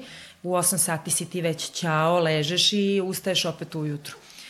I bilo je ono šokantno u smislu kao kad sam došla i videla sam da imam prljave peškire, pa sam bila u fazonu u hotelu, ja, možete da mi zamenite prljavi su mi peškiri, pa dobijem još prljavije, pa onda kao, ja, možete opet da mi zamenite, onda dobijem još prljavije i shvatim da, znaš, kao pot, potpuno pointless, da. prosto navikni se na to, u Indiji si, ne možeš da tražiš nisi u hotelu sa pet zvezdica da. i drugačiji su standardi i to je to jedino pravilo koje sam pratila jeste da ne jedem na ulici i ništa mi nije bilo, sve je bilo ok, nikakve, nisam imala probleme, da. niti mi je bilo šta bilo gadno, niti bilo mi je kako, fenomenalno, kako se, zaljubila kako, sam se. Kako si se hranila uh, dok si išla u tu školu, ili imaju neki poseban režim ishrane ili? Pa, Indija isto kao što, znaš, pošto je velika, ima i različite uh, ono, stilove i da. kuhinje i svega. U Rišikešu, koja je preston, prestonica joge i koja se nalazi u podnožju Himalaja na severu Indije, uh, Um, tamo se ne jede ni riba, znači ne jede se meso uopšte, ali ne jede se ni riba i tamo u Gangi možeš da vidiš ogromne ribe, jer ih prosto ne love i ne jedu ih.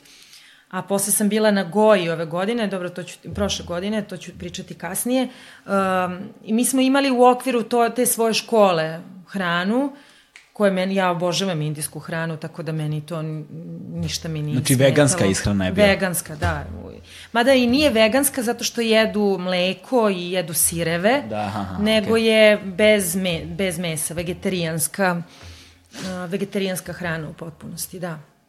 I e, šta si naučila, koliko ti je značilo to iskustvo tih mesec dana u tom uh, a, ašaman? Ne? Ašram. Ašram, uh, ašram. U, u Moram da školi... da naučim tu terminologiju, ne znam ne, ništa, ono, u ašramu. U toj školi mi je, mislim, naučila sam dosta toga u smislu da, mislim, ne možeš ti da doživiš tu promenu kroz mesec dana. Da. Ti zapravo dobiješ tu vetar u leđe. To ti je kao saja u askom. Znači, mm. ljudi očekuju da je sve ćiri bući riba zapravo ti treba da naučiš kako da to sve što dobiješ tamo preneseš u svoj realan život. Jer ti tamo kada si, lako ti je da budeš u disciplini, mm. gde si sve vreme fokusiran na, na tu jednu praksu i da. gde si u grupi sa ljudima koji rade istu stvar i gde se, nemaš ni posao, ni mhm. porodicu, ni stres, nego si u jednom potpuno izolovanom da. sistemu Eskapizam gde se neki. samo baviš tim, tako je.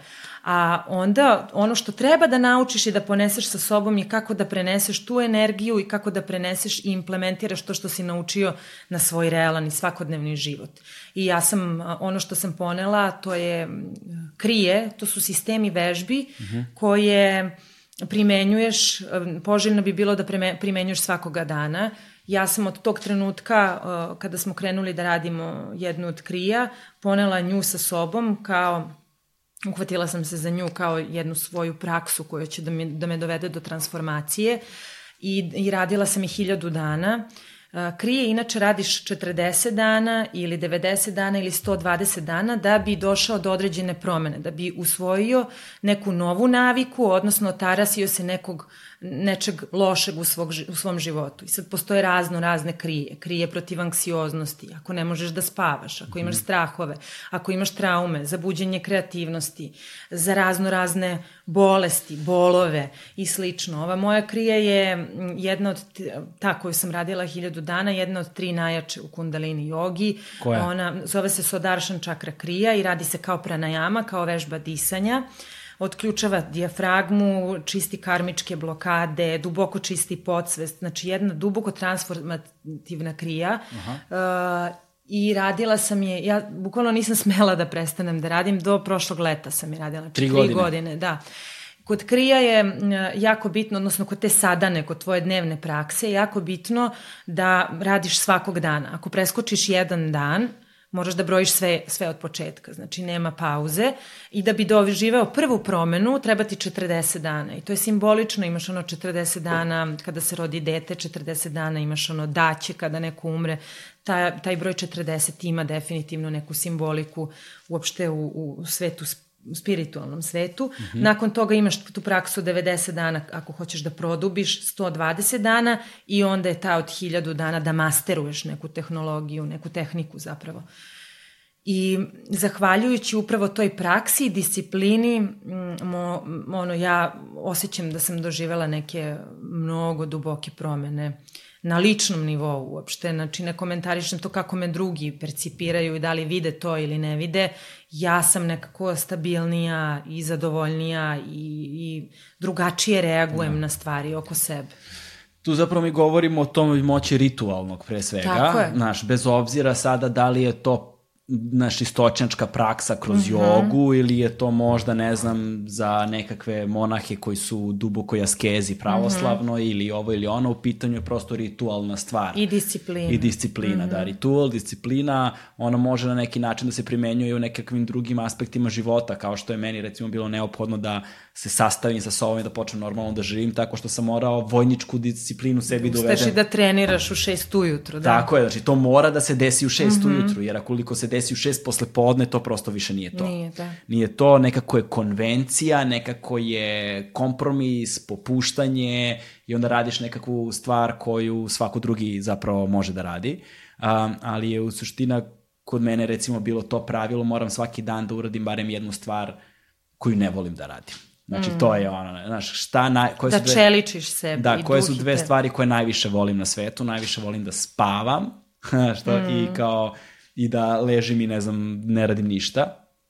I onda sam bio u fazonu, hajde, ovaj, onda da ustaješ svako jutro u pet, i da ideš da vežbaš ono da Ali ni to stvar... pet nije slučajno zato da. što tada uh, su naši uh, tada možemo da najviše utičemo na naš endokrini sistem kažu da ujutru u pet samo da gledaš u vrh nosa 3 minuta, ti si izbalansirao ceo endokrini sistem zbog toga što su, tada kre, kreće da se aktivira da. se pre, pre sunca. Tako da si ti to nekako podsvesno sebi Moguće, i zadao da. kao zadatak. Da, ne, ne znam, ja ne, ne, ne znam ništa o tome. Jedino je meni bilo posle pet mi je nekako bilo drugačiji kasnije. rad. Da, drugačiji rad. Znaš, previše kasno, a pre pet je bilo previše rano. Nekako mi je pet bio ali zapravo je kod mene to došlo nakon, nakon kursa koji sam prošao sa Gorskom službom spasavanja. Mm -hmm i kod njih je bio taj um, vojnički režim. Vojnički da. režim, ono to deprivacija sna, da te dovedu do jedne emotivne sta, ivice, da vide kako reaguješ po stresnim situacijama, da tvoj pravi karakter izađe na površinu. I tada sam zapravo kroz te drilove osetio prvi put da na toj tački pucanja ti zapravo imaš neograničeno veliki izvor energije mm. na koji nikada nisi posego za njime. Mm. Prosto nikada nije bilo potrebno. I zapravo kada dovedeš sebe na tu granicu, na tim granicama saznaješ svoje motive. Mm -hmm. Otkrivaš svašta o sebi u tim okolnostima. I ovaj, tada sam počeo kroz nužnost tog drila da otkrivam neke stvari o sebi i pre svega da otkrivam možda neke svoje slabosti. I te slabosti, ovaj, na njima sam počeo da radim tada. I kroz taj rad sam osetio koliko manjkavosti imam, koliko veština ne posjedujem koje su mi neophodne da bih nešto mogao da uradim konkretno sa sobom i bio sam fazon, ok, šta je to što ja treba sad da uradim da bih napredovao. I onda sam u razgovorima sa drugarom, prijateljem Johnnyjem koji sad živi u San Diego, pozdrav za Johnnyja. A, on Johnny je Belgrade, uh, Belgrade Urban Running. Tako je, tako, Burt, da, iz Burt. Burta. Ovaj, on je tada ono, otkrio keto ishranu i otkrio je ono ultra distance running, dakle one ultra maratone mm. 200 km i tako dalje. I, ovaj, I on ima tu vrstu hardcore karaktera koja je negde bila Pa to je, to, to je sve, meni to sve nekako isto zvoni isto kao i kundalini. Da. da, da, i onda smo nas dvojica zajedno krenuli, ajmo sada hardcore da vidimo jel možemo. Mm. I tri godine sam ja to radio, eto vidiš, isto neki hiljadu mm. dana, dok mm. nisam zapravo osetio da se desila nekakva um, trajnija promena. Mm -hmm. Znaš, da ja sad prosto sam takva osoba da više ne mogu da se vratim na to kakav sam bio ranije. Tako je. Znaš, sad i da hoću da se vratim ne mogu, mm. ne osjećam se dobro. A, moje telo vrlo brzo počinje ono da zahteva nešto normalno, nešto mm. zdravo, nešto... Mm. I batalio sam u velikoj meri ono potpunosti izlaske, bilo šta, ja sad sam ono, živim potpuno drugi život. Morali smo ekstremno, neki ljudi su mnogo lakše prošli kroz taj period odrastanja, ipak smo mi malo da ekstremniji, mm. znaš, mora da ide na ovu stranu ili mm. na ovu stranu, ali opet je to nekako balansiranje. Balans, da. Znaš, e sada, um, yoga je nešto o čemu razmišljam već duže vreme, ali nikako da mi se desi, Znaš, ja bih sve nešto da probam, pritom sam krutko motka. Znači, moja, moja elastičnost je kao ova daska ovde. Ali to je neka predrasuda o kojoj ljudi stalno govore o jogi e, kao jednoj e, veštini gde, gde je bitno da se ti saviješ kao pereca. Kundalini yoga nas upravo uči nečemu drugom, a to je da je to u stvari stanje svesti, da sve ono što uradiš na toj prostirci za jogu možeš da, da primeniš u svom životu, jer joga u svojoj biti znači unija, znači jedinstvo, da ti budeš u jedinstvu sa duhom, da. telom,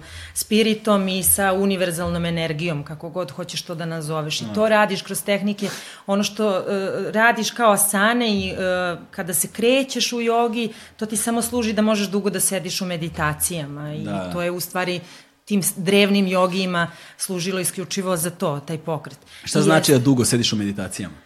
Pa sad sam bila u... Meditirali smo oko 8 sati dnevno. U, bila sam opet u Rišikešu ove godine na tom 21 Stages of Meditation i to je onako dosta izazovno, ali u tebi stvarno stvori neku, ne, neku ludačku radost i mir u isto vreme. E sad šta dugo znači? Mislim, nije to takmičenje pa sada da, da. da merimo ono, či, ko može duže u meditaciji, apsolutno. Čak sam videla da negde imaju i yoga takmičenja, što je meni apsolutno absurdno ne ide. To je ono neka popularizacija sa tokom ovog new age-a. Da. To treba da bude tvoja praksa i ono što je tebi dugo uh, meni može da bude ono još duže ili mm -hmm. kratko. Znači nije nikakvo takmičenje u pitanju. Treba zapravo sa samim sobom najviše da, da sebi izlaziš na crtu iz dana u dan i da nekako pratiš da. sebe koliko napreduješ. A ovaj, mogu da te pozovem sada da vežbaš uh, taman online, držim časove dok je ovo ludilo, potpuno besplatno, pa Razi, možda probaš kod smo kuće. žena i ja, ono da... Pa probaj kod kuće, pošto si ovaj, ludak kao ja, verovatno će ti se svideti.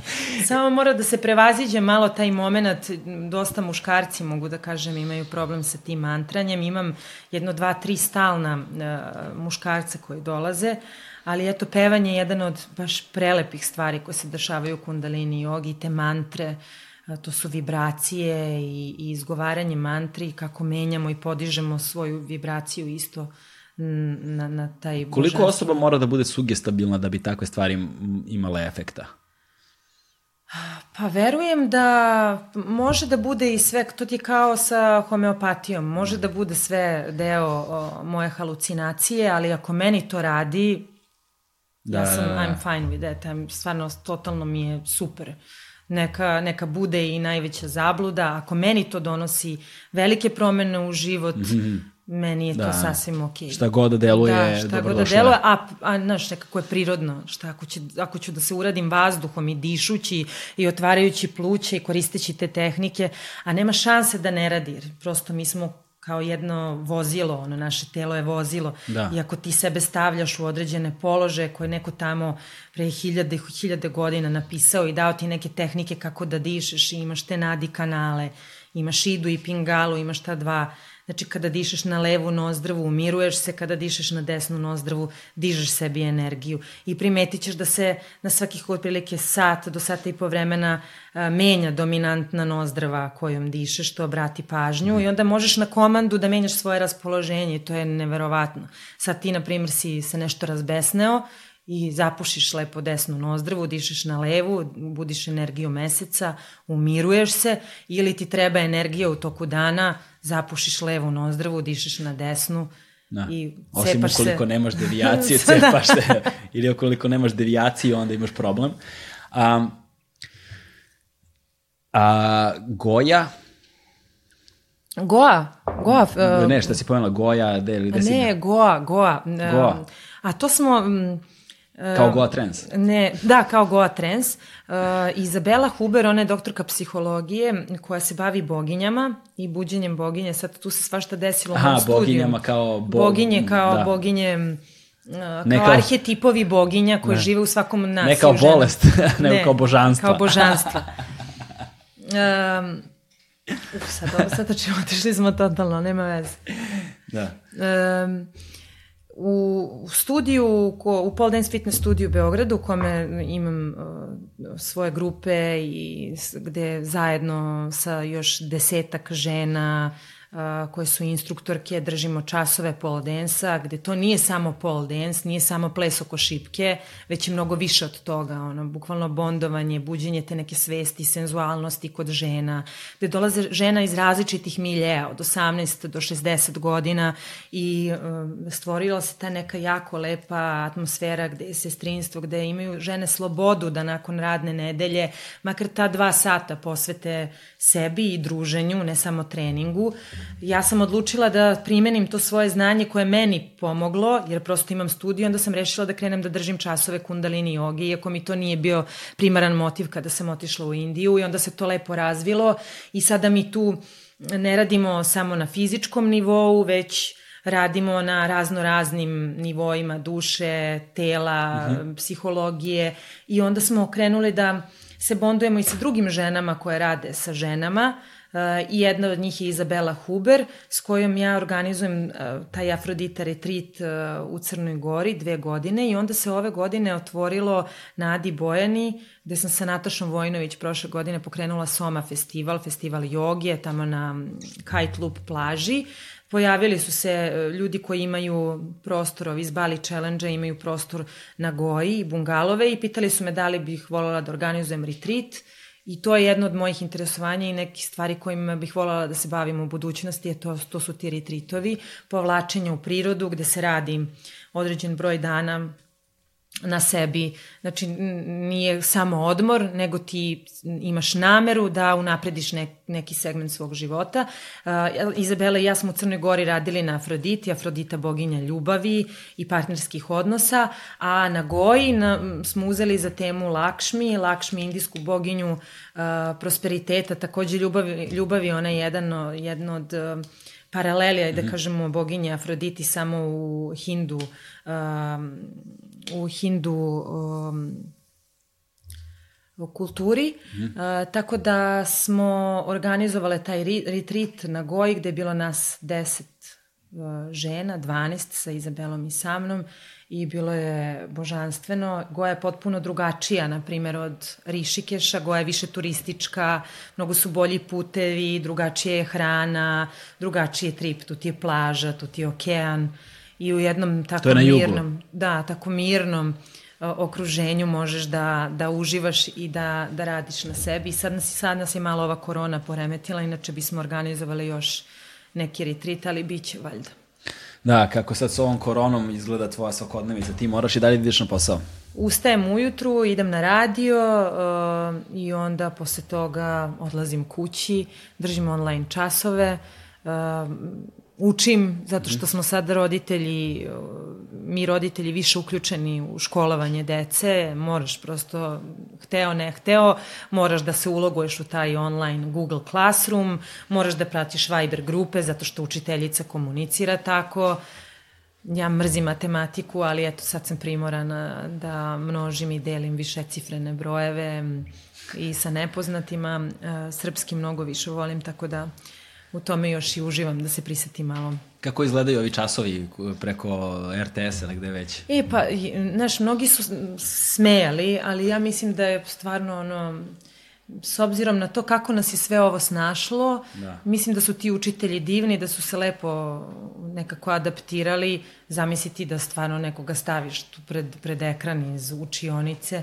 Bio je i taj učitelj fizičkog koga smo svi šerovali, uh, jer kao bio je, ispao je smešan, meni je beskrajno simpatičan bio i sad vidim da su stavili neke klince sa difa da drže te časove fizičkog mm -hmm. i drago mi je da su uvrstili tu i fizičko i likovno, jer mi smo odrasli kao generacija koji to uopšte nije bilo bitno. Da, znaš, da, ono, da, daj da. srpski matematiku, a ovo ćemo ostalo, Da. ovo su nebitni predmeti.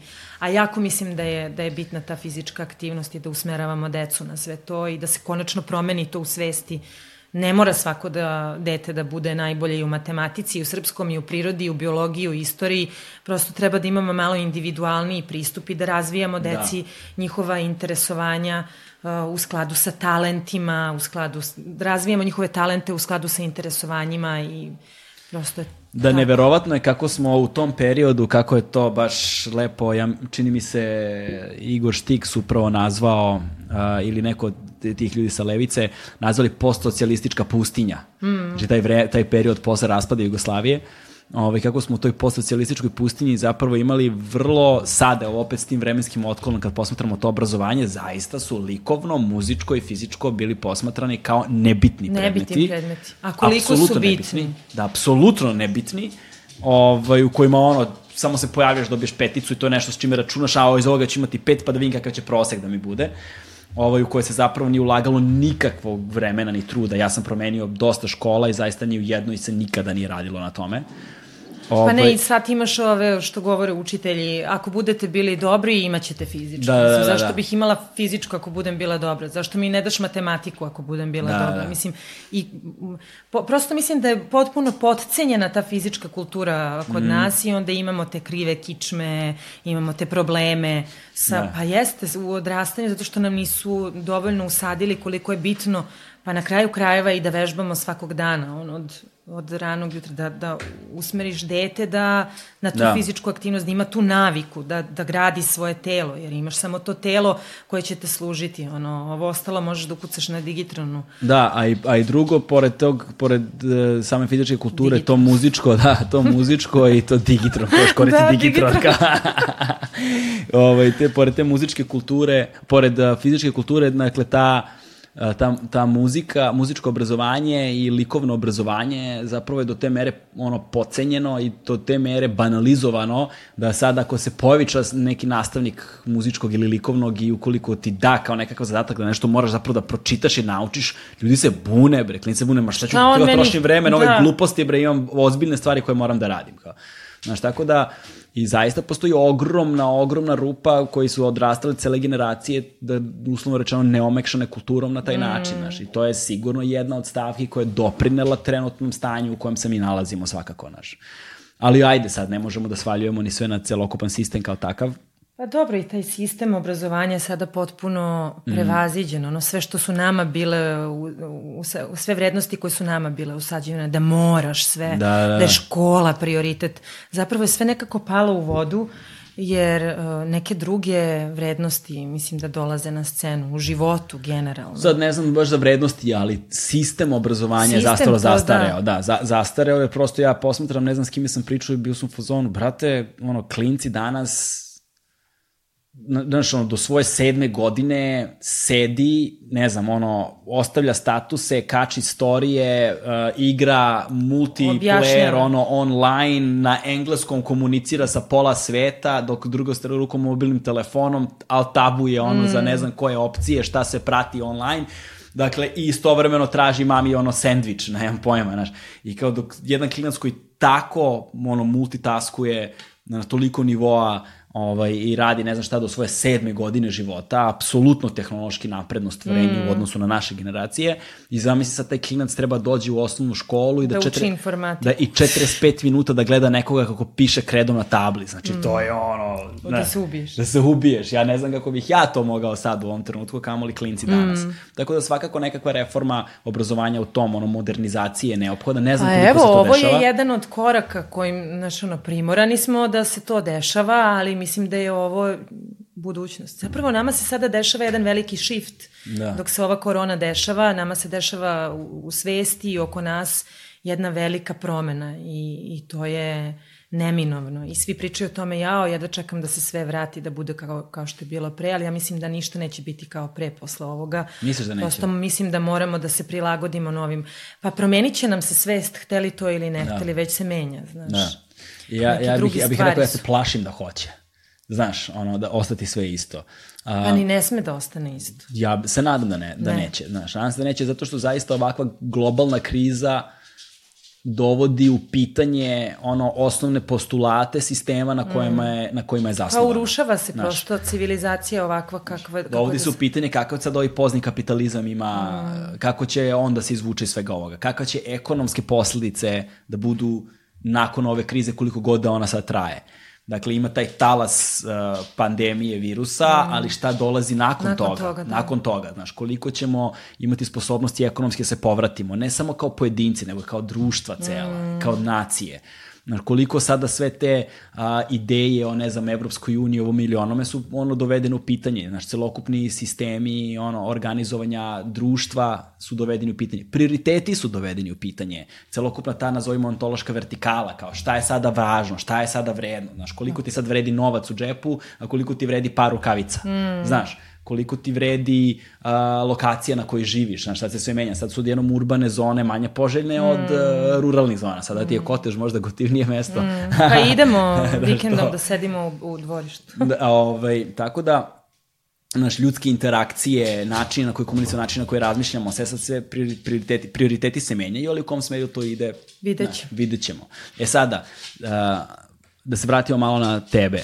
Um, pole dancing, ko, koji si, koji si više, više puta pominjala sad u razgovoru, je jedna stvar koja se da kažemo, relativno nova ono, u našem društvu, kad govorimo relativno novo, mislim, recimo, aj, na primjer, poslednjih deseta godina, recimo, Pa da, znaš, ne naš više od toga. ima osam godina, a prvi je u Beogradu, tako da je to kod nas Koliko studija za pole dancing trenutno ima u godina. U, Beogradu? ima ih mnogo, da, baš ima mnogo. Šta, desetine, Nemam- stotine? Pa znaš šta, sad e, ubacuju šipkuju teretane Aha. i onda drže časove kao vežbe snage i samo akrobatiku. Mi imamo malo drugačiji pristup, kod nas je to cijela filozofija, buđenje te senzualnosti. Šipka je samo jedan od elemenata. Mi plešemo i na zidu, i na podu, i na fotelji i zapravo vraćamo ženu tom nekom unutrašnjem pokretu senzualnom, usporavamo se potpuno, znači najsporije što možeš da se krećeš i budimo im uopšte pokrete i karlice i jedan po jedan deo tela, uključujemo u taj jedan potpuno, potpuno ajde da kažemo, za, za ova, o, ovaj način života pre virusa potpuno da. um, nov, a u suštini to je taj naš iskonski, ženst, iskonski ženstveni pokret gde ti treba da budeš što fluidnija, da budeš protočna, da budeš spora, lagana, da uživaš u sebi. Mnogo smo postali opterećeni onim što se dešava oko nas. Da. Zaboravimo da gledamo uh, unutar sebe. Mnogo smo postale opterećene naslovnim stranama, model, rol modelima i kada govorimo o izgledu i o ponašanju i o svemu i onda zaboravimo da dođemo u kontakt sa sobom. I kroz ovu, ovaj naš senzualni pokret, ceo, mi se zapravo vraćamo tim svojim potrebama. Nemamo uh, ogledala, već se vežba zatvorenih očiju, vraćaš se na dodir, na kontakt sa sobom i to je ono što u stvari jeste lepota svega toga. Taj efekat nemanja ogledala, kakav Mhm. je? Pa u početku bude čudno, ali onda provališ koliko je to dragoceno da ti iznutra osjećaš svaki taj svoj pokret, da nemaš distrakciju bilo koje vrste gde, gde sad gledaš da li mi je ovo ispalo ovde ili kako mi ovo izgleda, nego potpuno što na žene dođu sa mišlju da hoće da smršaju, da se zategnu, da bolje izgledaju, a zapravo skapiraju da uh, to kako se one osjećaju je zapravo ono kako izgledaju. Tu nema, da, znači nikad da. nećeš biti 100% zadovoljan svojih, svojim izgledom, odnosno uvek ćeš moći da nađeš neku manu. Ali ako si iznutra zadovoljna, onda... Šta te briga? Da, onda možeš Da, da, i da onda izgledaš savršeno sebi. Eliminisanjem ogledala eliminiše, eliminišeš taj efekat kako izgledam i ostavlja se samo prostor za kako se osjećam. Kako se osjećam, tako. Da, Da, Zato što to jeste zapravo naj objektivniji Mhm. uh, način da znaš kako izgledaš. E sad, kažeš, ka, kažeš žene dolaze uh, kao hoću da se zategnem ili ne znam mm. ti nija šta, a zapravo otkrivaju da su došle po nešto drugo. Da. Šta je to, poš, i sad na osnovu već tog osmogodišnjeg iskustva, koliko, koliki broj žena je prošao kroz... Uf, mnogo. Mislim, mi, mi imamo oko 150 žena trenutno u studiju koje treniraju kod nas. Znači, kroz 10 osam i- godina to ih je Baš koliko dosta, hoćeš, da. da. A, I šta si kao zaključke mogla da izvučeš iz dosadašnje prakse? Šta si primetila da je, ne znam, hroničan problem? A, šta je to po šta te žene dolaze? Verovatno nesigurnost, samopouzdanje, to su upravo ti neki, e, kao što sam rekla, neki zadaci i neke, e, neka očekivanja koje nam naša okolina postavlja od nas i onda e, očekuje od nas e, i onda gubimo taj kontakt sa sobom i sa svojim istinskim potrebama.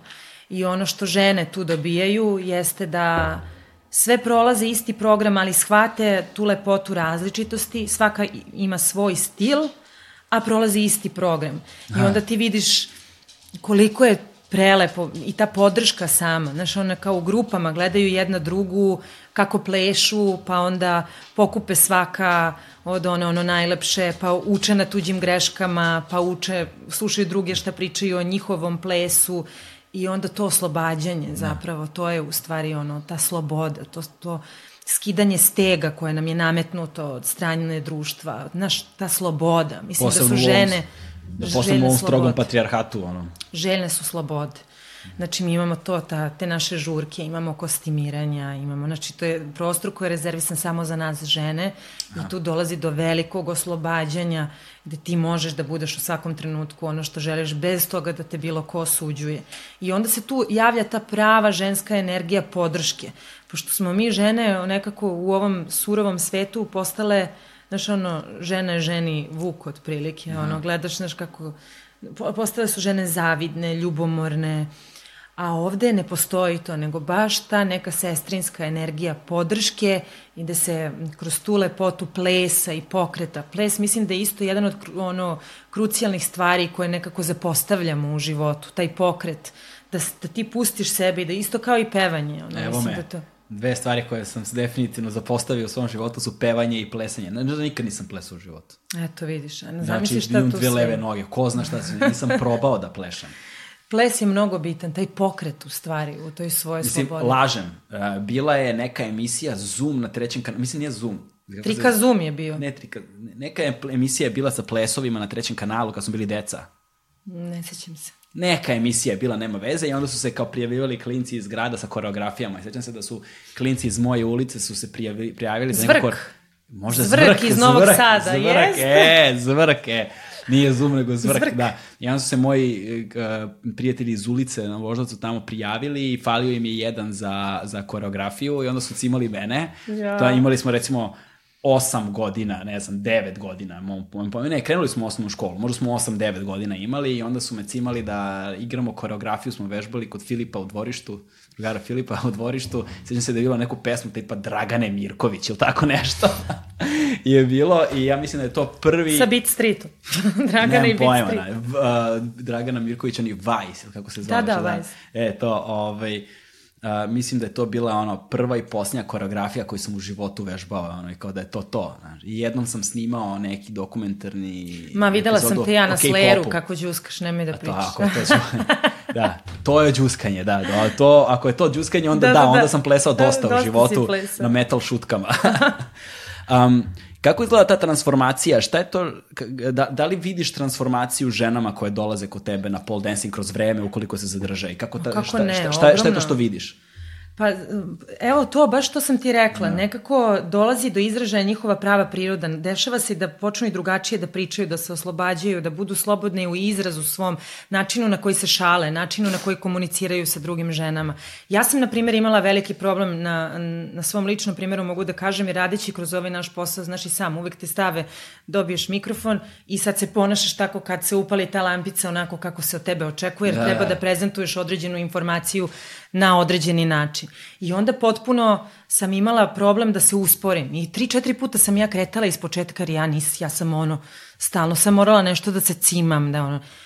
I tek onda kad sam ušla, kada ti uhvatiš to, uf, kada se oslobodiš, kad kreneš da dišeš, kada postaneš svesna svakog tog pokreta, kada postaneš svesna svog tela, da uživaš u, u svakom milimetru svoje kože, kose, vrata, lica, mm. zaista se desi veliko čudo. A onda da ne pričamo o tome kako se taj ples pretvara u jednu plesnu meditaciju. Ti zaista zatvoriš oči, ne gledaš ništa, plešeš ispod ritma, može da bude ono trens u pozadini, ti imaš svoj taj spori, spori ritam i plešeš iz duše i to je isceljujuće. Stvarno jeste isceljujuće iskustvo, ovo nije stvarno neka sad kao da pričam neke ono, da. fraze, floskule, nego je baš zaista isceljuju u nekim najtežim i teškim momentima koje sam imala u životu. Ja sam odlazila u studio, puštala sebi muziku i plesala i plesala i stvarno sam isplesala taj tu bol i, i, svaki stres koji sam imala jeste meditacija i ples.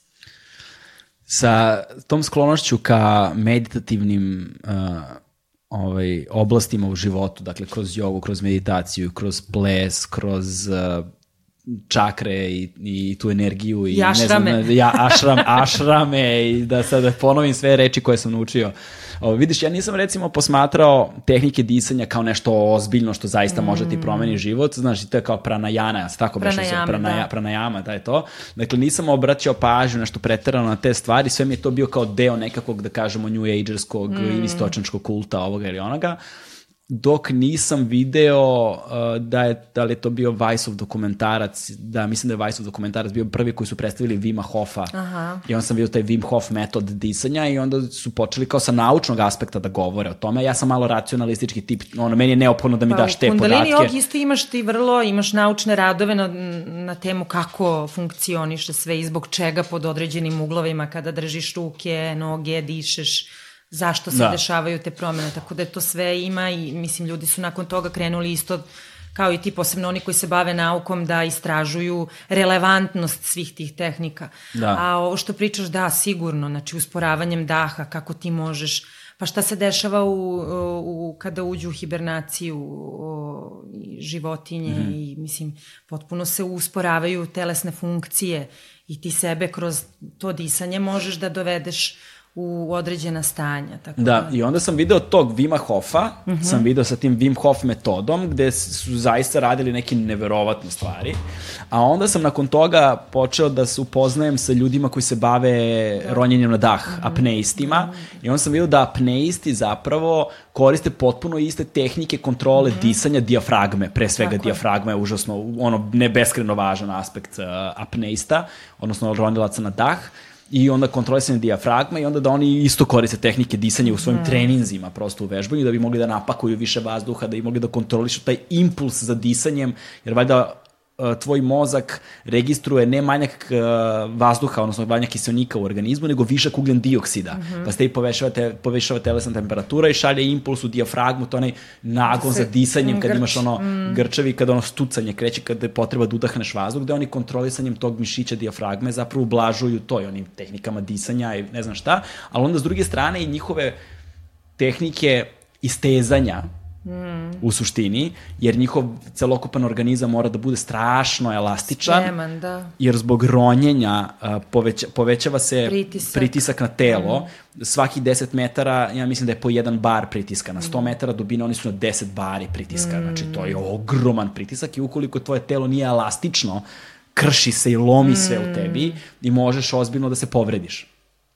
I onda počinju tako na više mesta u životu da mi se pojavljuju ono kao da se pale lampice koje pokazuju aha, kao možda ova joga zapravo A to jeste to, da. nije besmislena Da. stvar. Da, a neke aspekte toga zapravo imaš u drugim sferama potpuno iste Mnogo, skoro. U Daš. mnogim sferama, da. Da. Pa dobro, to je jedna drevna, baš Da. jako stara tehnika, mislim, tehnologija ili već kako hoćeš Da, da, da, da, da. Joga, veština. Veština, da, da, veština. I da zapravo u celom tom nekom bazičnom aspektu ono ljudske egzistencije postoje te neke, ta neka žarišta, te neke klice na koje mi uzimamo zdravo za gotovo, mm. čija kontrola zaista može mnogo da nam donese u životu. Mm. Kao što, najobičnije stvari, kao što su dišem, spavam, jedem, krećem se. Dakle, I ali- kada svesno radiš sve te stvari, pa da pričamo i o hrani onda, Pa da. mislim, kada svesno jedeš i vodiš računa o tome koliko jedeš, da li se emotivno prežderavaš sad kad svi jedemo jer imamo gomile nekih namirnica u kući, pa krećemo da, da Dakle, žderemo. Pa da imaš onda što veću kontrolu unosa svega toga, isto jedan od, Da. uh, taj post koji toliko toga može da ti donese kada ti kontrolišeš taj svoj nagon da jedeš i kada nisi gladan, a sigurna sam da svako od nas može da izdrži minimum 24 sata bez jela, jer imaš toliko tih te količine energije i hrane u sebi uh, i kada kreneš da se odričeš te hrane, odnosno tog, tog impulsa da jedeš, isto se menja, dolazi do promene u, u svesti. To, ovaj, ja, na primjer, jednom nedeljno ne jedem 24 sata, pijem samo vodu ili čajeve i to ti donosi isto mnogo, mnogo benefita u život.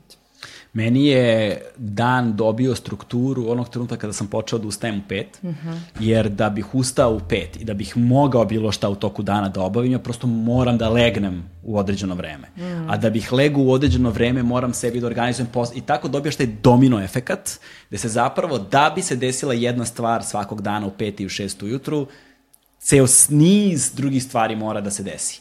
A ta struktura je opet na neki način ritual koja mi je mm. donela određenu vrstu stabilnosti. I ja sada sebe merim po tome kakav sam, da li sam dobro ili nisam, da li sam ono otišao i zastranio u nekom aspektu svog života, po tome da li sam sposoban da ustanem u određeno vreme i radim određene stvari. Da li si, odnosno, poremetio svoju, Tako svoju je. rutinu. Meni Svoj isto, balans. meni je, o, mogu da kažem da je radio imao veliki uticaj u ovom mm. mom buđenju. Mislim, ne. definitivno, definitivno. Jer me je E, taj posao naterao da, da razmišljam u smeru u ovom u kome sam sada. Tako. E, sad još jedna stvar koja me zanima, ovaj, s obzirom da smo svi, jel te, ljubitelji veliki putovanja, video sam da si relativno skoro bila na Mauriciusu. Mm -hmm. Molim te, ono, znači nisi mogla dalju destinaciju divniju da izabereš od Mauriciusa. Sve se nekako desilo o, ove, ove dve godine su mi tako bile, le, bile lepe, otvorala, otvarala su se putovanja, bila sam u Keniji u avgustu, pa onda Mauricijus i su naši prijatelji Kosta i Ivana već putovali tamo uh, pre par godina i onda su nam predložili da za novu godinu odemo na Mauricijus i m, ja nisam bila nešto oduševljena Kenijom, nije mi legla uopšte ta energija, ja sam više za ovu vibrantnu, Bali, Indija, tako sve. Da. Ipak Afrika ima malo težu uh, mislim, ima i težu težu istoriju taj narod i onako osjeća se i, i ta energija zemlje, mislim prelepo je, prelepo je, ali s druge strane nije mi toliko legla i onda sam bila u fazonu ok, bila sam sad u Keniji, videla sam ko zna kada ću opet da idem u Afriku, međutim otvori se taj Mauricius, Mauricius jeste pripada Africi, ali je to potpuno jedan drugi svet, njih su dovlačili holandjani, E, iz Indije, iz Afrike na to ostrvo koje je bilo e, na, mislim nije bilo uopšte nenaseljeno je bilo i onda tu imaš e, ono Afrikance sa bindijima, znači da. ono jedan totalni miks različitih kultura koji žive tu na toj jednoj teritoriji i, i prelepa je, priroda je božanstvena, čak sam u jednom trenutku pomislila da mi je možda malo lepše od Indije, međutim ne, sad sam opet bila u Indiji u februaru i shvatila sam da ne, mislim Indija mi je kao prva ljubav, ono, prva na, na listi uh, mesta gde bih otišla. I uh, mnogo je bilo lepo, ima dosta tih hindu hramova, uh, nacionalnih parkova, uh, um, nekih životinja sa kojima se nismo susretali. Znaš da je Dodo, ptica koju su opet ljudi proždrali i, mm. i izumrla, po, dolazi sa Mauricijusa. Uh, upoznala sam neke divne lokalce, sasvim slučajno bila sam tamo na Vortexu u jednoj tački gde su jake energije i upoznam uh, tog Indusa koji nas je posle pozvao da mu budemo gosti na plaži. Uh, sa njihovom porodicom smo jeli brijani i uh, ništa, bila sam u nekoliko tih nacionalnih parkova gde sam mogla da se upoznam sa tim njihovim bogatim životinskim svetom. Priroda je, rekla sam, ono, mm -hmm. opčinjava, opčinjava ono, vodopadi na sve strane, zelenilo. Koliko se dugo putuje? Kako se putuje do Mauricijusa? Uf, sad sam već i zaboravila. Dosta dugo se putuje. Uh, kako smo, ono, Jo, potpuno sam sad, sve mi se pomešalo. Ne znam kako sam putovala. Ne sećam se, ali dugo, 20 sati, na primjer, da se ide do Koliko avionskih letova, koliko presedanja, ono, to je sigurno... Uh, pa ja mislim da je bilo dva, nije bilo toliko A do Mauricijusa? Odakle do ste... Mauricijusa, pa da, ne mogu ne, da se... Ne, odakle ste išli do Mauricijusa, pošto je ostravo? Ste išli brodom ne mogu ili... Da se, ne, ne, ne. Avionom? Uh, avionom se sve ide, ideš direkt, uh, mislim da smo dva aviona samo promenili, ali ne mogu uopšte da se setim, sad mi je stao mozak, potpuno sam Ne mogu da setim kako se. Trebalo mi kažeš da pripremim. Dobro, nema veze. E, putovaću ja, nadam se, ono, s porodicom. E, pa sad se sve otvara. Mislim da. da sam videla da ima dosta agencija koje nude i Mauricius, isto kao što je Zanzibar jedna od destinacija koja je mm. sad vrlo popularna. Bali koji je bio pre 10-11 godina kao wow, egzotična destinacija. Sad je Bali bukvalno mislim ne sad u ovom trenutku, da, da, da, da. ko zna kako će biti posle svega ovoga, ali mislim otvara se, toliko smo sada u mogućnosti da idemo i, i da, da uštedimo novac na neki način, stvarno je mnogo bolje nego kad smo bili klinci, ona da. priča o Sloveniji, o svemu, stvarno ova deca imaju mnogo više izbora nego mi starci. Ne, neverovatno je promenjena ekonomija sveta koja je promenila prirodu, ono, psihološka konstitucija mladih koji odrastaju u ovom svetu radikalno drugačija od naših, mm -hmm. zato što ono što je, ne znam, generaciji naših roditelja možda bilo kao Jugoslavija, pa ne znam, shopping u Trstu mm. ili šta god da je bio, da su bile floskule tog vremena. Negde naše generacije kada smo odrastali je bio ono uh, Intercity, ono rail ili Interrail, kao to, da. Interrail, Interrail, ta znači dakle međunarodna železnica pa kao fora je bila da imaš u neku studentsku karticu pa da putuješ po Evropi, do duše ja to nisam iskusio, ali mnogi naši ono prijatelji naše generacije jesu i malo mlađi, a onda je E, internet, internet tehnologije doneo uh, Airbnb i mm -hmm. doneo je low cost uh, letove, putovanje, letove, da. letove, znaš. I sada je taj low cost da ti zapravo za 100 evra i ono, ukupno za 100 evra možeš da odeš na neku destinaciju i da spavaš na gajbi što ti donosi jednu novu dozu autentičnosti. Znači ne u hostelima ili u hotelima koji su recimo bili nužnost naša. Hosteli su recimo bili neka inovacija koja je bila mm. nama kad smo imali 20 godina ali klinci sad imaju Airbnb. Airbnb, znaš. da. Tako da je priroda doživljavanja šta je kretanje i priroda doživljavanja toga šta znači granica i šta znači kulturološka barijera značajno promenjena. Promenjena potpuno, Promenjena da. potpuno. Znaš, nama je bila fora da se ode, ne znam, London, New York, Pariz, Berlin, Barcelona, šta god a danas su to mainstream mesta koje može svako. Da ćeš da, da, da, da otputuješ. Danas je fora da otputuješ negde da ćeš imati autentično iskustvo. iskustvo. Kad se vratiš nazad i kažeš svojim drugarima, e, bio sam, ne znam, u Parizu, kao šta, svi su bili u Parizu. Ali kad, kad im kažeš, bio sam, ne znam, ono, na primorju Albanije, da. wow, kao šta je mm. tamo, čoveče, kako je tamo, znaš. I vidim da po festivalima isto, kad pratiš trend nastanka festivala, posebno ovi butik festivali, butik festivali mali, da po primorima, evo sada, mislim sada, sada ništa naravno, sada ništa. ali Albanija se čini da će biti nova festivalska mm. destinacija, jer je to jedno od redkih mesta na Jadranu i Jonskom moru koje nisu iskorišćene. Ti si bio ja, u Albaniji sad skoro, ja? Da, bio sam u Albaniji, da. ovaj, bio sam u Albaniji u više navrata zapravo. A, I bio sam a, i na, ob, na oba obale njihove, mm, pošto njima Kažu da im je obala fenomenalna. Albanska različ. rivijera je zapravo ovaj, a, ogromna, jer njima je ogroman procenat države opasan morem mm -hmm. i izlaze na Jonsko i na Jadransko more. I taj, to, taj deo sa Jadranskog mora nije toliko lep, on je onako malo je divlji, ovaj, ali zato je dole Jonsko, Jonsko. more, to je skroz skroz druga priča, ali i strašno jeftino. Mm. Recimo, mi smo na plaži, popili, uzeo sam flašu, ki, dve flaše kisele, na primer, i recimo tri kafe smo popili i sve nas je ukupno koštalo ekvivalentu lek, le, lek je tamo njihovo, znači 600 dinara. Pa nadam se da ćemo uspeti da odemo makar u Albaniju. Šljunkovite su im plaže do duše, mm. onako nije mi to baš nešto, ali je prelepo, daš, i vidi se ono Grčka preko puta, tako da, ovaj, drugačije potpuno i Albanija, jug Albanije i sever Albanije su dve potpuno drugačije priče i psihološki i po mentalitetu i po znači, ono, da govoru. Menjaš. Da, da, da, drugačije su. Ne vole se baš nešto Albanci sa juga i sa severa mnogo. I tu imaju oni istoriju svojih sukoba uzajemno, tako da to su to baš onako, postoji ogroman diverzitet tamo. Mm. Ali dobro, sad da time ne davimo, vidjet ćemo kako će da nam se završi sve ovo sa koronom i tako dalje. Ovaj, Uh, Una, stigli smo do kraja. Hvala ti, Galebe, ne. što si me zvao. Bilo mi je prelepo. Hvala Žao mi što ne mogu da ti izgnjavim četicu, ali štedeću se za neke druge dane. Ove, ovaj, hvala ti puno što si došla, izdvojila vreme i u sve sigurnosne protokole ovaj, a, došla kod nas, u, naš, nisi, ti nisi bila ovde kod nas Nisam, u ovom stanu.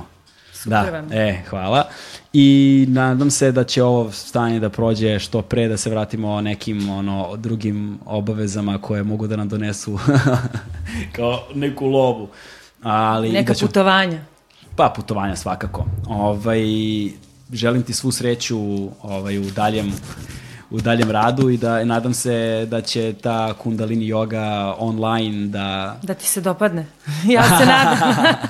e, ajde, ajde za ljude koji su zainteresani zaista, reci mi... E, pa da, imam a, grupu Kundalini Una na Facebooku i svi časovi, časovi su, a, ajde kažemo, besplatni, u stvari idu humanitarne svrhe, samo se uplati a, poruka na 5757 za podrži život uh -huh. a, i to je to. Mislim, nikoga ne proveravam, to je ono na da. želju ljudi, mislim, kako, kako se ko osjeća, ali verujem da svako pusti poruku, nije to... I kako organizuješ te online joge? Pa držim ono live i onda zadržavam Gde? u grupi, pa na Facebook grupi. A, na A kod kuće sam, da, napravim Aha, kod kuće isto ovako kao ti uh mhm. -huh. i onda ide Facebook live u grupi Kundalini Una, uh mhm. -huh. prate me tamo ljudi i onda ostavim taj snimak za one koji se kasnije pridruže da mogu, imam sada neka četiri časa, tako da možeš da vežbaš kad, kad god hoćeš. Super. A inače su live-ovi utorkom i petkom u šest. Eto, odlično, važi. Hvala ti puno. Hvala uh, tebi. Hvala vama, ljudi. Ne zaboravite samo za kraj, još jednom da podsjetim, um, Uh, možete da podržite naš podcast na Patreonu i mo, dakle sa pretplatama mesečnim možete da nas podržite jednokratnim donacijama preko Paypala, opisi su vam u, odnosno linkovi su vam u opisu videa i ostavit ću link za tvoju Facebook grupu Kundalini. Una, tako da ne morate da tražite, bit će link u opisu videa. I to je to. Hvala vam Hvala. puno. Hvala.